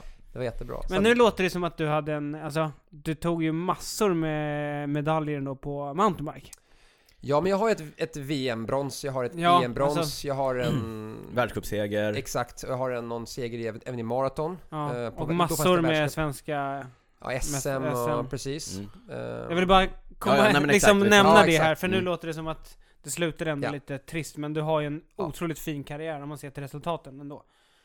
Ja, men jag, någonstans tror jag att jag ändå kunde lämna sporten och vara ganska nöjd. Jag känner, alltså, just det här att jag hade bockat av min världscupdeltävling. Mm. Hade jag inte gjort det, då kanske jag hade känt att, ah, men okej, det finns något annat än Ja. OS. Men eftersom att jag hade då min EM-medalj och VM-medalj och hade min världscupseger så var det nog bara OS som jag kände, det var det, Mm. det stora. Och där var det just de här fyra åren som jag inte pallade. Mm. Så att då var det ju, då var det ett lag som att, det gula laget nu, hjälp mig Daniel. Ja, ja, vänta. Sonja Duval. Sanja Deval, precis. De hade precis då tappat sin, sin sponsor Sanja Deval. De hade en Pro Tour-licens. eh, Men tappade Sanja Deval på grund av eh, lite olika, Ricardo Rico Olika och anledningar. På grund av. Kobran! anledningar. Ja, Kobran, Ja. exakt. Eh, Så att de hade ju då ett lag, eh, en licens, en Pro Tour-licens utan några pengar kan man säga. Mm. Och då att köpa in pengar, eller cyklister utan pengar var inte så lätt för dem. Men plötsligt fanns det en, en svensk mountainbikecyklist som var beredd att köra för typ nästan ingenting. Eller han var beredd att köra för minimumlön då, eh, officiellt. Men Det är dig vi pratar om. Vi pratar om mig, Ja, okej, Vad var minimilön då liksom? I svenska? Ja. Vet du ungefär liksom? Ja, ska vi gissa på att det var kanske 33, äh, i euro 33-35 000 euro tror jag om året. Om året. Ja. Så 350 000 då, Mm. om året. Men då var det så här att eh, det var på pappret. Man Sen dubbla så- kontrakt, eller Ja, nej det var inte så, det var ett muntligt avtal. Att, Ja. eh, Men sen så betalade du tillbaks hälften utav dem Exakt. eh, för att få köra här. Mm. Och i det läget så jag kände bara att Alltså jag, jag bara knöt näven i fickan och sa jag, kommer köra så att inte ni ska behöva, jag ska inte behöva betala tillbaka de pengarna. Mm. Jag kommer vara värd liksom minimilön alla gånger. Så att jag fick chansen, jag tror jag skrev kontraktet 27 december, vilket är supersent. Ja, alltså det är ju ingen, det är ju ingen ro liksom. Men jag hade någon sån... Jag hade erbjudanden för MTB också, men, men kände att nej, jag var, var färdig med det. Skrev till slut på det avtalet. Men så du, det var landsväg då eller inget? Var det så? Alltså jag hamnade i princip där. Ja. De, de, eh, det var väl kanske så de också ville spela ut mig lite grann. Ja. Att, att inte jag skulle vet, vilja ha lite mer pengar eller så. Mm. Utan de satte det är ju ofta så man gör. Man väntar, väntar, väntar och Ja. sen till slut så om du får minimi, eller du får förresten betala tillbaks halva minimilönen liksom. Eh, Så att, men i det läget så jag var fine med det. Jag var så nöjd att få en, liksom en, alltså en En plats. chans. Ja. Det är ju liksom, ja men det är ju så. Det är ju inte alltid du får, hur får du den? Men, nej men precis, men vi kan ju säga, jag, jag, jag tittar samtidigt här på eh, internet Och eh, man kan ju säga att de fick rätt bra valuta för pengarna Du tävlade 95 dagar eh, 2009 för Fuji Servetto. Mm. Hur, hur pallar man det? Ja, det, det, 95, det gör man 95 inte. Det gör tävlingsdagar? man inte. För, det, finns en, eh, det finns ju en baksida på det här. Ja, men problemet var ju att vi kom in i säsongen. Då faktiskt började säsongen i uh, Malaysia. Mm. Är det väl? Torv- Langkawi. La- Langkawi, Toro Precis. Langkawi, ja. Legendarisk Mm. tävling. Och eh, var väl fyra på Berga kungaetappen där och fyra totalt tror Ja, jag. det stämmer. Jag dubbelkollar här. Ja, stämmer. Bra. det är bra. Ni får, Ja. ni får intyga att det Nej. stämmer, att jag inte ljuger. Ja. José Serpa vann! alltså. Han är colombian va? Ja. Och han kan klättra och bor väl på, säkert på på, hög höjd, ja, 3000 ja. meters Ja. höjd så att Ja. eh, det var väl okej. I, vad var det, februari eller något sånt där? Eller var det Ja, 9 februari, Ja. 9-15 Så februari. det är ganska tidigt. Det är ju detaljerat om- om liksom- ja. tre veckor bort från Ja. liksom. Nej men så att, ehm, och då, ja men då så, wow, han kan ju cykla liksom. Mm. Tror jag de tänkte. Ja. Och sen så, någon, så kom vi hem till Europa, jag körde lite race. Och vid något tillfälle så, tillfälle så sa jag så här, för det stämde för min, för min mountainbike-karriär var det så här att när jag körde mitt första race för året, då ville jag sen tävla regelbundet. Mm. Om jag körde ett, ett MTB-race en helg och sen fick jag ingenting en, en, en helg, ja men då fick jag inte den där uttömningen som jag behöver för att hålla mig på en viss, på, en, på, en sån, på, på den här höga nivån. Mm, man Alltså tränar här- sig i form och Ja, man ser till alltså att man är i exakt. formen. Och framförallt så underhåller den genom att köra iten ur dig med jämna liksom, mellanrum. Och jag sa det till mitt lag att jag, ja, men när jag väl börjar tävla då tycker jag om att tävla. mm. Och de bara 'Got it man' okej, ja, men då fattar vi. Ja, precis. Så jag fick ju i princip åka allting. Och det, min, min räddning var ju kanske att de inte fick köra touren. För att annars hade jag nog Ja. varit under isen redan i, i ja, efter jul. Ja, du börjar med. Tour Langkawi, du kör hela Tirreno Adriatico, Milano Sanremo, klassikern, Vuelta País Vasco som också är ett veckolångt etapplopp. Och då ska Eh, man kolla där i kalendern så kan man ju se att jag typ flyger ju för att liksom åka från en målgång Hinna till köra att hinna köra- Ja, starta just typ Milano Sanremo och allt sånt där. Ja. Ja, ja, sen fortsätter vi med, ja men País Vasco, Amstel Gold Race, en till klassiker på 26 mil. Mm. Eh, Romandiet runt, en till eh, veckolång etapplopp. Mm. Eh, Giro d'Italia, Mm. eh, tre veckors. Eh, Österrike runt, Mm. eh, tio dagar va? Mm. Eh, Polen runt, sju dagar.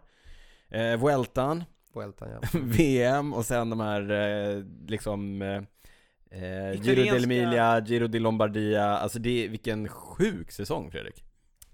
Alltså jag var ju, jag var ju egentligen helt under isen redan ungefär halvvägs genom girot. Ja, Alltså jag, jag pallade det fram till halv, alltså halvvägs genom girot. Där någonstans, mer eller mindre kan man väl säga att jag, jag klappade i lite grann igenom.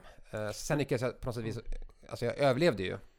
Men... eh, Men så satt, tänkte du ändå jag kör Weltan ja, också. men, ja men alltså så här, ja men du vet, om någon frågar dig, vill du köra alltså, en, en fin tävling? Det är klart att Ja. du säger ja. Ja. Eller du vet, Ja, ja, ja. ja, men vad Ja. 17, jag är ju där för att liksom... Första jag ska, jag året ska, också. Ja men exakt, men det, Två man säger, Grand Tours, man det är ju inte, ja, riktigt hur? mäktigt. Exakt, det, det är ju, jag menar, från att jag kanske körde 25 race, mm. eh, om ens det liksom på hela året, så körde jag precis, alltså efter girot hade jag 55 starter tror jag, då var vi i maj. Mm. Eh, Men det är också, en- det är också en jätteskillnad på, eh, varje gång du satt på en eh, mountainbike och tävlade, då körde du för segern. Exakt, På, på landsväg kan man ju inte, det är inte riktigt samma sak. det ska ju inte vara det. Nej, precis, men du... Jag gick in all in. Alltså Ja. jag körde ju, jag fick ju i princip chansen att köra som kapten på i princip varenda race jag körde. Mm. För att jag var någonstans, Du började i Malaysia där och visade så här, Ja. men jag är fyra ut i totalen, och de bara Okej, Okej. vi har någonting här. ja. Och sen så spann de vidare på det. Ja. Och jag tackade ju inte nej liksom Nej. för den chansen. En sjuk grej. Mm. Du, nu kommer du bli... Ja, Niklas, du han kommer bli taggad ja. En utav lagkamraterna. Cameron Worth! Ja, just det. Ja, ja, ja. Cameron. Ja, det pratar vi mycket om. Ironman uh, Exakt. Cameron nu för tiden ja. Eh, Han har ju Rod, rod- roddar Cameron, Precis. exakt. Ja. Han hade ju, alltså ja, men han har ju någon, tydligen några extrema testvärden. Mm. Det är det han lever på. Mm. Det är därför han fick chansen som landsvägscyklist. Han, han gjorde det väl hyfsat. Ja. Inga superstat tror jag, men alltså så här, han har tydligen, Hyggliga linje, eller vad säger jag, tempo och resultat Ja. och... Mm. Har han några segrar eller? Nej, jag vet inte, Niklas sitter Vem? och... Kolla Cameron, Cameron Worth, ja, Kolla om han har segrar, för att det är väl det som, alltså, det är väl det som man- räknar om man är... Nej, typ inte. Nej, nej, men då var Nej. det inte så bra. Nej men så att, eh, nej men han har fantastiska testvärden tydligen. Ja. Eh, och jag tror att nu är han nog i sitt rätta element. Mm. Som uh, triatlet ska jag tro. Juan José Cobo också Ja, där. jajamän, jajamän. Ja men vi är lite, vi blir lite, och det, det är det som händer när vi tittar på, vi tittar liksom tillbaka på din karriär, jag och Niklas, vi har ju skickat massa grejer fram och tillbaka till varandra och sådär Man glömmer liksom lätt bort vilka det var du tampades med på din tid, nu säger vi som Mm, att du är en absolut. Nej, men pensionär, men, men eh, vi, eh, alltså, Man ser vissa namn här, det är ju, men du gör ju det är ju Ja, men- cyklister man ser på TV liksom. Ja men jag körde ju med Lance, 2009 körde väl Lance i girot, var det inte så? Mm, Det får vi kolla. Det får ni kolla. Jo, men jag hade Lance runt mig. Då- Han var ju bästa, han var bästa cyklisten att ligga nära, för det var ingen annan som vågade ligga Var nära i honom. närheten? Nej. Alla var så rädda för honom. Ja. Så det var som en lucka liksom runt omkring honom. Så perfekt, där kunde jag ligga. Ja. Han tyckte det var schysst eller? Ja, jag tror det. Swedish guy! Ja, jag sa nog inte så mycket. Så, så att, eh, Men du gör ju, du gör ju ett, eh, från, från det här slitiga året som du har med, med Fuji Servetto så tar det ju ganska stora kliv liksom om man tittar på, eh, ska man säga, hierarkin i, i proffsklungan och så går du från eh, Fuji Servetto till Jonathan Waters eh, eh, Garmin, Garmin Slipstream nej? Garmin Transition. Transitions. Transitions. Garmin Transitions, Transitions, hette de Mm. då. De är glasögonlinser Exakt. Exakt. Ja. Oakley Spons, Niklas är oerhört Mm. eh, Mm. avundsjuk Ja, Ja. ja, idag vet jag inte om jag hade tyckt att de glasögonen var så himla häftiga som jag körde runt på då. Men, eh, nej, men det var fantastiskt bara att få... Eh, ju, alltså, cykelsporten som hade, har sin historia. Mm. Mm. Svart historia med doping och allting. Garmin, Garmin var ett av de lagen som ganska tidigt gick ut och sa att eh, vi- alltså, vi ska köra rent, vi ska Mm. inte använda till exempel sprutor som återhämtning Nej. som fortfarande faktiskt fanns lite grann på den tiden. Även om man, inget som injicerades var liksom Ja, doping. Vitamin och... Ja men exakt, så här glukos och grejer. Men någonstans kändes det ju inte, alltså jag, jag har ju fått sånt där, men jag, känner, jag har aldrig känt att det känns rätt. Nej. Och Garmin bara, men vi ska, vi håller inte på med sånt längre. Vi, no needle policy. Mm. Och det kändes ju bara, fan det där är ju, men det är där jag vill köra liksom. Ja. Så att när jag fick, jag, jag skrev faktiskt avtalet med dem redan eh, efter girot, eh, 2009 då med Fuji Servetto, då skrev jag redan då med, med Garmin. Skrev tvåårigt avtal. Problemet bara, var bara att eh, efter säsongen 2009 så var jag så sliten. Mm. Alltså jag var ju så nerkörd så att Mm. eh, det satte ju spår hela vägen in till 2010 Ja. när jag skulle köra då med, med Garmin. Transition. Så att jag hade ett jättetufft år. Det var verkligen, alltså det var så här mellanår liksom. Ja, det var många, det var nog DNF. Ja, ja men det var inget kul. Alltså det var riktigt tufft. Och det var ju då som Jonathan säger till min agent, han säger så här. Okej, Fredrik har tvåårsavtal. Men om ni, eller om Fredrik vill hitta ett annat lag, så är han välkommen att gå. Och då sa min agent att det där, det där betyder att du kommer aldrig vara en prioriterad åkare. Du kommer Nej. alltid vara liksom B-listad Mm. i det här laget. Mm. Så att vi ska försöka hitta någon annanstans för dig att ta vägen. Och då hade jag Liquigas och jag hade Astana som alternativ. Mm. Och Liquigas 2003, Bianchi Motorex, dålig erfarenhet. Ja, tranquilo, tranquilo. 2008 OS-året med mycket brustna drömmar Mm. på grund av italienare. Jag kände att jag kan inte gå till ett it- italienskt lag. Nej. Det misstaget kan jag inte göra för tredje gången. Jag hade ingen aning om hur de hade varit så. Och därför vart det ju då ett kazakiskt lag istället, Astana. Och jag fick då också, vilket var härligt, två nya år. Mm. Eftersom att någonstans är det så att det räcker med en dålig säsong om du Ja, bara har ett det- årsavtal. ja, sen är det färdigt, sen är du ute. Så att du vill gärna ha Exakt. den här tryggheten, liksom, alltså någon sorts trygghet i alla fall. Och då vart det eh, Astana. Och det vart lite grann, jag, gjorde en, en, liksom en, jag resetade mig själv lite grann. Jag var faktiskt hemma i Sverige under 2010 och fick, eh, alltså, fick lite hjälp utav, med utbrändhet. Mm. Det var alltså fysisk och psykisk utbrändhet eh, av min cykling. Alltså det är inte så förståeligt, alltså oförståeligt med tanke på hur mycket man eh, cyklar och ska träna och pressen press och... och du ska leverera och som du Exakt. säger, ett dåligt år, du har inget kontrakt, vad gör jag Nej, nu? nej, eller hur? liksom? Allting bara, hela, alltså ens liv kretsar ju kring, ja. att prestera och liksom leva livet. Och så Nej, men det går tror jag många, många av våra lyssnare säkert kan relatera till också. För oss är det bara en hobby och man vet att så här, men det, går, du vet, det går dåligt på ett träningspass eller man känner att man har en tung vecka med, med cyklingen och hur mycket det påverkar. Och då har det ingenting med levebröd eller liksom hela, Nej. ens, hela ens eh, försörjning att göra. Så det är klart att det är en Mm. eh, otrolig psykisk press man lever Mm. under.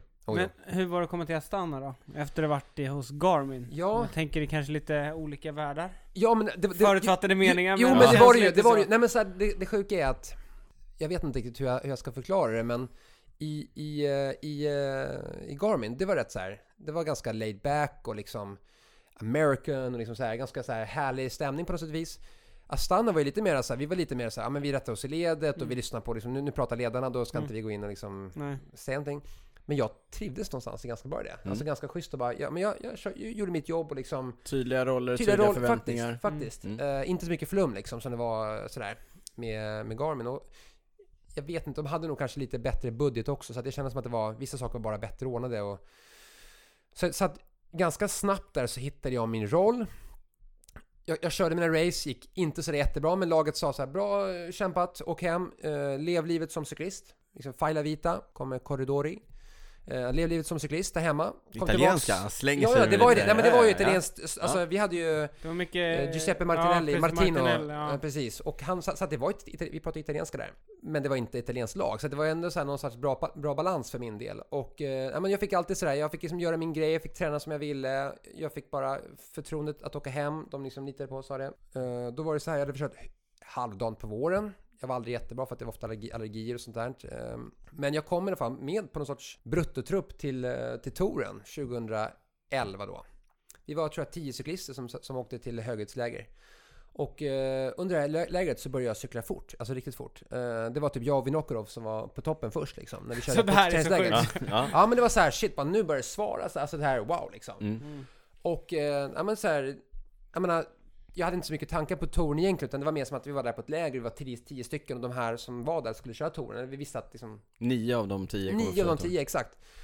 Och sen så, um, näst sista dagen eller någonting, så ligger jag på massagebänken och då kommer ena sportdirektören in och så, så liksom tar han klappen på ryggen och säger Du Fredrik, alltså jag måste bara ge dig lite dåliga nyheter och så här. ehm, du vet att det är tio cyklister här, det är bara nio som får åka. Eh, vi behöver någon som kan liksom ligga och dra på platten. Och det är Thomas Weitkus som eh, vi behöver honom för laget och därför så um, kommer vi behöva ställa dig åt sidan, liksom stanna hemma. Men ehm, Men jag kan dra på platt. Ja, eller hur? Nej, exakt. Nej, men jag, jag, jag, jag, jag, jag känner så här. Det var genuint man sa det där, så att Ja. jag kände, men jag, och jag, jag, reagerar inte över att det skulle varit, utan jag känner mig bara, ja men liksom, det är fine liksom. Det var ändå din- Jag är så glad att jag, jag, att Det jag är där, ändå- och jag är glad att cykla fort. Var jag, alltså, när det var det hur, det är inte så viktigt. Cyklar jag så fort som jag gör så är jag bara glad. Och då sa han, ja men du, det går en annan tävling Österrike runt, åk dit och gör någonting bra. Mm. Det var det han sa. Gjorde Åk du det eller? Och du bara, jag gör det. jag gör det, Jag ja gör men det. exakt. Nej men Jag tänkte, ja. men Nu 17, ska ni nu, få se. ja exakt. Nej men jag tänkte, ja, men jag vill hyfsat slag. Eh, så att jag tror att först var det någon spurtetapp och sådär och sen så var det andra etappen den här Kitzbühler Horn. Mm. Mm. Där de körde världscup i störtlopp igår. Kitzbühel. Ja, ja, jag men det, slänger ja, men, ja, ja det är där, det- eller hur? Ja. Det är där kanske de flesta Ja. svenskar i alla fall känner till det och det är ju... Men är inte det typ en av de längsta klättringarna i Europa också? Ja men det är någonting med att den är så brant. Ja. Den är så extremt brant och blir liksom, den, den, är, den börjar brant och blir bara brantare. Mm. Ehm, så att, ja men då vann jag den etappen. Före Eh, Sant'Ambrogio, Leopold König och Carlos Sastre! Niklas är helt tagen av alla namn som Fredrik har lagt Ja men bakom sig. i Sastre de här. hade väl då vunnit Han var i sin touren. Tour de Ja, France, mm. precis. Och sen var väl även Dennis Menchov var med, eh, någonstans kanske längre bak Han var då. med, han var med. Så att det var ju ändå, han hade ju vunnit Vueltan då. Um, vann väl i alla fall ett par gånger. Mm. Eh, vann girot gjorde han också va? Eh, när han kraschade i Rom på upploppet eh, där men ändå... Ja men precis, på- men på ändå tempo, lyckades ta, ja. ja just det. Ja. Nu går vi, nu är det riktig Ja, det är nostalgi här. Ja, precis. Nej, men så att det var, jag visste det var ändå bra konkurrens liksom. Det var inte så att det var en bonnatävling, även om det var samtidigt som touren. Så det tar alltid Mm. bort lite, men ändå så här, jag var ändå nöjd med att ja, vinna den etappen. Och sen så, så höll jag även undan då, ja, eller jag, jag vann ju totalt då. Körde väl hyfsat på någon tempoetapp där också som gick... För det var många som bör- började spekulera, ja men hur ska det gå? Hur ska du kunna försvara på tempot? Och jag kände bara... tempo- Vadå? Det är inga problem. Alltså, exakt, jag känner så här. Varför skulle det vara en utmaning? Varför Varför skulle det vara svårt? problem? Ja. Eller hur? Ja, men jag tror att som MTB-are så är man ganska bra på att även köra platt, eller köra hårt även om det är Ja. platt, eller oavsett vad det är för... Man är bara van att ta i liksom. Mm. Men hade du kört mycket tempo då? Nej, då var jag ännu inte en tempo... Alltså jag var inte Nej. just då en Nej. tempocyklist, men jag kände mig själv ganska trygg med att bara jag satt ganska okej på Ja. hojen, det vill säga att inte för aero, utan Mm. mer för att få ut kraften. Ja. Så visste jag att ja, men jag, kan, jag kan ta i på en hoj Ja. liksom. Det visste jag att jag kunde Ja. göra. För jag menar, MTB, det är ju vadå, en timme, en och en halv timme. Full gas. Full gas, och det, så det var jag ganska bra på. Mm. Mm. Och gärna liksom från stillastående. Till Mm. skillnad från en, alltså när en, ofta är det så att en bergsetapp, då ska du ju vara, då ska du vara stark efter tre och en halv timme. Exakt. Mm. Ja men du vet, det är svårt att spara all energi och sen ha kvar då Just det det. sista. Men fick jag stå från stillastående eller från liksom sådär en insats Du ska, då, du ska köra jättehårt i 30-40 det, minuter. Perfekt, det passade mig jättebra. Ja. Det passade mig jättebra. Så det, då blev det femma? På, te, Ja. på ett Mm. tempoetappen där, ändå så här, ja men du vet så här, det var ändå bra. Jag tror jag körde om, han som var två då, om det var Santa Broggio som låg två i totalen, han körde jag om halvvägs. Då vet man att... So long! Det här är Ja bra. men då visste jag att, jo men alltså sådär, då kände man, okej jag, jag, kan, jag kan det här också liksom. Kan- Då fick du lite extra motivation. Jo men det var också- ju skönt att få köra ikapp någon liksom. Då visste man att man inte hade en allt för dålig Jag dag har i inte en dålig dag i alla fall. Nej ja. eller hur, exakt. Men du fick stryk av Taylor Finney. Ja, det kan ju, han var fyra. Jo men det var också sp- helt platt. Det var inte en, eh, det var inte en enda liksom... Vi, måste, vi Ja, brukar är- snacka om Taylor Finney. Mm. Han är Okej. lite av en favorit där Men då gjorde de ju rätt där, för du kunde ju inte på platten, det var ju... Nej precis, exakt. Jag var ju inte någon platt... Eh, Nej, eh, det är inte Thomas. Weitkus direkt. Men var det Nej, där du lite liksom fick upp ögonen för tempo eller? För sen resten av din karriär så var du ju ändå en väldigt duktig tempoåkare. Ja men jag tror att jag... Alltså där kom formen. Ja. Det var där jag började cykla fort som landsvägscyklist. Det är faktiskt Österrike. Ja. Och då när jag cyklade fort som landsvägs, eller cyklade fort på landsväg så var det att då kunde jag plötsligt behärska mycket ganska bra. Mm. Och, ja, och även i Österrike så är det så att jag, där fick man också, jag fick så mycket erfarenhet också av att, alltså, du vet att det är en sak att cykla en klunga, det är en sak att cykla med ett lag framför dig med ledartröjan. Mm. Alltså plötsligt så kan du inte bara förlita dig på att du bara hänger med och ser hur det går och ser hur Men det hur känns. var utan- den känslan därefter? När liksom Alltså, Astana ligger och drar jag och hade du ja. sitter där i ledartröjan? Ja exakt, men jag hade faktiskt en lagkamrat, eh, Simon... Nu ska vi se om vi hittar honom. Australiensare, Clark. Simon Clark. Simon Clark dyker upp där. Ja, eh, han lärde mig extremt mycket. Mm. Eh, så att han var ju min liksom, första hjälpryttare där. Mm. Och det var en etapp som var då i Österrike runt och som var, det var extrem kantvind. Alltså Ja. extrem, helt platt, sån kantvind så att du, man tror inte det är sant. Mm. Och han skrek åt mig vad Mm. jag skulle göra. Ja. Nu ska vi upp, upp, upp, upp, upp! Och alltså, ja men du vet, jag hade aldrig varit i den Ja. sitsen förut. Alltså knappt, alltså jag hade, som, jag hade inte- ens kört så mycket landsvägstävlingar. Även om jag har kört en och en halv säsong som landsvägscyklist, som proffs, så var Ja. det ju liksom, innan det var det ju 2001 och 2002 liksom. Ja. Så att det var ju, jag fick ju bara kasta sig in i hetluften och lära mig så mycket på en gång. Eh, Men, men där växte jag också som cyklist, vet, att, att man liksom tar sig igenom sånt och man Ja, förstod så- hur man ja, skulle man jobba. Och, efter, ja ja. exakt, Ja. så, så Det går Simon fort, Clark är liksom, grym. ja. Alltså, han, var, han, är, han är ju någon sorts uh, hjälpryttare deluxe skulle jag sä- säga. Och, och, och australiensarna kan ju sin cykel och de har ju mycket där crit och de har mycket liksom, Mm. velodrom. Vet, De vet hur de ska sitta. Var man ska vara i en klunga, exakt. var man ska, hur man... det är ingen chansning där, utan de, de har så jäkla mycket erfarenhet av just den typen av cykling. Så att han var ju så bra för mig liksom att ha där. Eh, och det var det som gjorde att jag liksom, det, därför gav Österrike gav mig någon sorts jättestor liksom skjuts uppåt. Ja, Både erfarenhet och självförtroende och Exakt. allt det där kan jag tänka exakt. Och även då, det som hände där var väl också då att laget såg att okej, shit, han Mm. kan ju, fan, mig. Leverera. är Fredrik en sån här cyklist? Jag kan, Ja. jag, alltså, jag, jag kommer inte ihåg om det, var, om det var då eller om det var, alltså jag, jag vet att folk var överraskade liksom. Ja. Folk visste, wow, är du, är du så här bra? Kan, du- kan, kan du vara en sån här cyklist? Ja, De trodde att jag var någon sorts hjälpryttare som, Ja. alltså vet sådär. Ja. Som inte kunde dra på platten.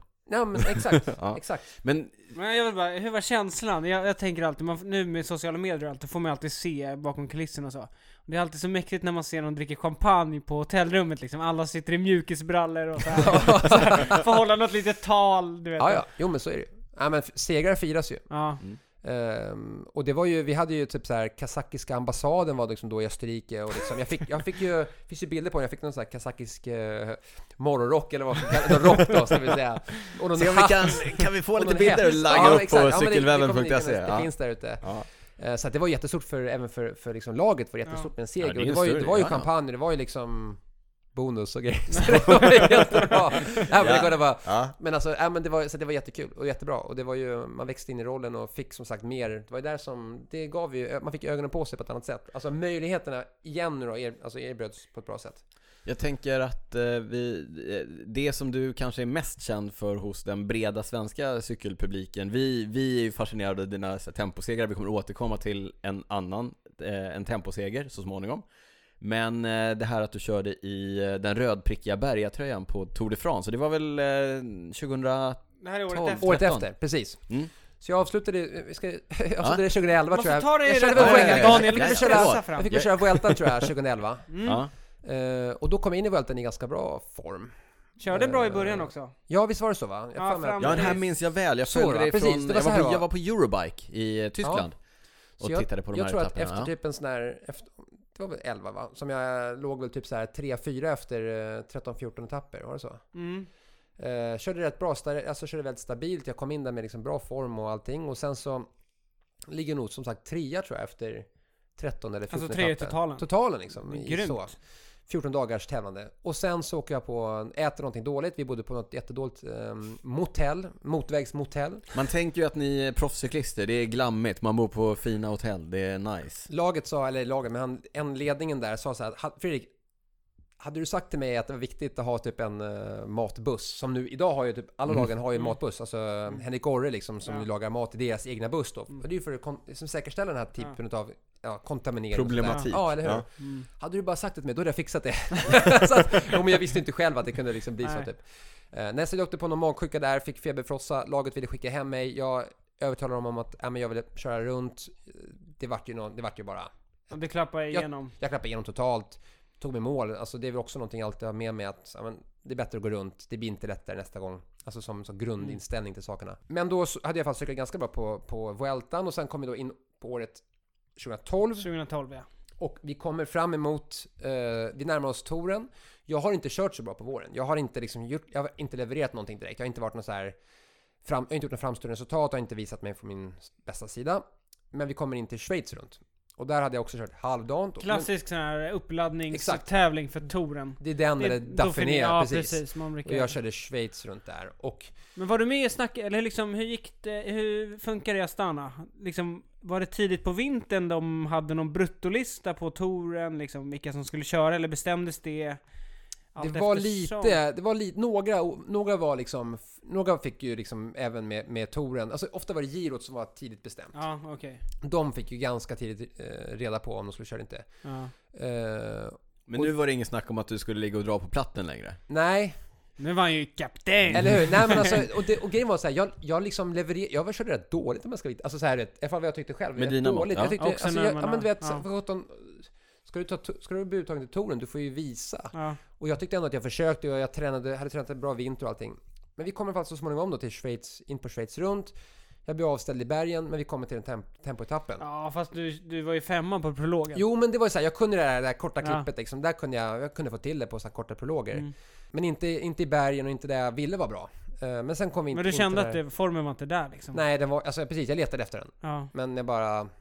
Den Men den kommer. var där? Ja, för sen körde jag då den här tempoetappen och... eh, Vänta, jag ska säga vem som eh, Ja. kom tvåa. Mm. Det var Fabian Cancellara. Fabian Cancellara! ja, En hygglig tempoåkare. ja, men lite så. Eller Ja. hur? En men av, det, det, Men vi en av vår sagt... tids kanske absolut bästa tempoåkare. Ja, exakt. Och vi har inte sagt det här än, men du vann den tempoetappen. Mm. Före Cancellara. Ja. Det är ändå en Jo. hygglig skalp. Jo, och jag var ju förstås... eh, Alltså, jag ju körde ju, startade ju mitt i loppet eftersom att jag inte låg i ledning Mm. på totalen. Alltså inte mitt på banan, utan mitt, Nej, i, exakt. mitt i startfältet. Exakt, Ja. precis. Kanske som... Annars ja. var det Nej, annars förklaring. är det jättekonstigt. Alla förstår mig att... eh, Nej, så att Ja. eh, jag fick ju köra hela banan och eh, tänkte att ja, men jag tar väl i så mycket jag kan liksom. Ja. Alltså, det, ja, men du vet, som landsvägscyklist och proffs, alltså det är ju mitt jobb liksom. Men du var liksom, du hade inga planer på just den innan? Nej. Nej, det var liksom så här. Imorgon bara- är det tempo. Imorgon är det tempo. Då kör vi! Imorgon gör det ont liksom. Ja. Det, och det gör det ju alltid, men imorgon gör det kanske gör lite extra ont. Men, eh, ja, men det är bra, då får man spänna liksom bågen Ja, lite grann. det- Se vad För man vissa, står. vissa som är tempospecialister, de åker ändå liksom Oh ja. laddar och Oh ja, sen så oh ja, oh ja, de håller igen dagen för att- innan, då är de exakt. bland de sista. De sitter i grupp 1 Ja, i ett- exakt. ett par, tre dagar innan och Mm. laddar för det fullt ut och liksom har specialrutiner inför sitt lopp och så Ja. Jag hade bara, ja men imorgon är det tempo, eller idag är det tempo, så kör jag liksom. Byter cykel bara. Ja. Ja men ungefär faktiskt. Eh, Men jag tänkte att, ja men liksom, ja men jag kör väl på så hårt jag kan. Och det var ganska bra, det var lite så här mountainbike-aktigt, att det svängde mycket, ganska mycket upp och ner. Jag körde om ganska många på under mitt lopp sådär. Eh, Så det kändes ju bra, det var en bra Mm. positiv trend. Och sen Mm. kom jag i mål och så rullade jag av och sen så trampade ur lite grann och åkte in till bussen. Och sen så när jag är i bussen så kommer det plötsligt då chaperones, de här UCI, eh, eller ja, antidoping-snubbarna då, som, som ska följa då ledaren då. Mm. Eller ja, De hade inte haft en vinnaren då. tanke på att ta tag i dig Nej, när de sa oj, jaha, okej, kom det någon där? Och jag hade inte en tanke heller på att Nej. jag skulle Nej. va, kunna vara i, i täten eller så här, ligga på Så du såg inte på någon liksom eh, Nej, screen eller så att du var aning. 40? Nej, jag hade ingen aning Du bara gick i mål och, ja. Och, det, och jag startade ju så, så, mycket, lång, så mycket före de här Kanonerna. Ja. kanonerna i alla fall. Så att jag tänkte att det här är liksom, ja men kanske topp 20 eller För de som inte 10. vet så startar ju alltid liksom, eh, man startar ju totalen fast tvärtom. Så att de som ligger etta och två och trea startar ju sist. Mm. Exakt. Och de brukar ju vara bland de bästa. så. Ja, precis. Nej, så att jag, var, jag satt, var i bussen där och hämtade de här och sen så till slut så bara, men du måste du följa med oss nu för nu måste vi nog röra oss bort dit för att det verkar som att ditt resultat liksom står sig här. Så jag följde med bort dit och satt där och väntade och tänkte att Men känn- hur kändes, kommer du ihåg hur det kändes då? Ja men man tänker bara så här, det är ingen, alltså man bara håller ner sina förväntningar. Ja. Det är det enda man Det tänker så så, här, bli inte, för, alltså, tänk, Bli inte ens, så exalterad tänk, nu, tänk, tänk inte ens tanken att det här ska kunna vara nej, någonting. Nej. För att man kan bara Tro bli inte att besviken. du är något. I ett sånt läge, du kan bara bli besviken, Ja, eller hur? Alltså, ja. det, är- alltså egentligen kan man ju säga. Men det räckte ju sen till slut då. Eh, och... Men ehm, kanske Lara körde inte heller för totalen. Nej. Så Nej. vad tänkte du när han kom in två sekunder bakom? Då måste du ändå tänka Ja men jag, jag förstod ju att det här- oj, det här gick ganska, gick ganska fort liksom. mm. Ehm, Du visste vem han var eller? Jo, Ja, jag, tack. jo tack. Eller hur? Jo men alltså det... Nej, men, då, menar, då, då var ju Cancellara också I sin i prime? dess, Ja faktiskt, alltså Ja, ja, lite ja. sådär. Det var... Jag tror att det var flera som under, vänta du, stämde där. Eh, och för övrigt, Richie Port, när han slog igenom, det var lite samma sak. Richie Port kom också från ingenstans och Mm. plötsligt bara lite så vann. Man tänkte såhär, vänta nu, kan det där ha stämt? Alltså Mm. kan det verkligen Mm. stämma? Men han då så att säga verifierade det med fler resultat sen då framåt i sin karriär. Så att det är väl också, känner jag, har varit bra för mig att jag har kunnat så att säga, Visa visa, att det inte bara nej det var inte bara då så. Uh, nej men så att, och sen dagen efter då så när vi satt i klungan så typ halva klungan kom förbi och eller, när de passerade bara, ah, grattis och liksom. Mm. Och det hör ju till till liksom kutym att, ja men, Ja. grattis liksom Daniel, Man- du, man eller, det eller liksom. Mark. Ja. Ja. visst, ja men så här snyggt, bra, grymt Mm. liksom. Alltså man är ju glad för varandra liksom. Ja. Men den enda som inte sa någonting, det var ju Fabian. Alltså, Så han kunde sitta bredvid mig och bara, jag bara så här. Han säger inget. Han säger inget. Alltså, alltså han är helt tyst. Nej. Alltså du vet, det var så Var du konstigt. sugen på att säga något eller? Bra kört igår. Ja men, jag, alltså, ja, men alltså, du kan ju tänka dig, det var ju, alltså, det var ju hans hemma... Ja, Han var ju ja, hemma, han var ju ja, hemma. Du kan ju tänka dig, det här vi pratade om Mm. att sitta i grupp 1 under ett par, tre dagar. Han är ju schweizare, Han hade gjort, ja alltså, eller hur? Och det var ja. ju Schweiz runt. Så att det var ju liksom... Jag tror, och som jag sa där innan att, du vet när Richie Port vann sin första tempoetapp och folk tänkte vänta det måste bli något fel med tidtagningen. Mm. Jag kan ju tänka mig att han typ tänkte samma sak att, ja hur, alltså du vet. Ja, ja, ja. bara, ja precis, här vem, kommer vem är killen- det här? vem- Vem, är det alltså, här? vad- Ja exakt bara, Vem är det här liksom? ja. Så att, och det var i alla fall, för att göra en lång historia, äh, historia liksom komma till Kortare. Ja, eller, eller, eller komma till en slutsats. En slutsats, det är att det resultatet gjorde att jag hade varit uttagen till touren. Just det. Då såg laget, okej, Fredrik är i form. Eller Mm. Jag kände själv så, oh, men vänta det här var kanske bara en engångsföreteelse. Det kanske var ett... Fast Jag vet tempo inte om jag- brukar ju ändå vara ganska Jo, bra men, kvitto men, på. men två dagar innan hade jag ju tagit i allt jag kunde i bergen och inte Och lyckats. blivit Ja. avställd? Ja. Exakt. Förnedrad, typ, som man känner liksom. Mm. Men jag tänkte, ja ja, men okej liksom... ja, ja, jag Det- kör väl touren jag, då! Ja, jag får väl köra. Eh, och sen... Men det var din första tour va? Ja. Ja. Och då kom jag dit och var väl egentligen bara en i gänget. Vi hade väl, försöker fundera, vi hade Vinokurov förstås, vi hade väl Jani Brajkovic. Uh, Borit Bosic, Grivko, japp.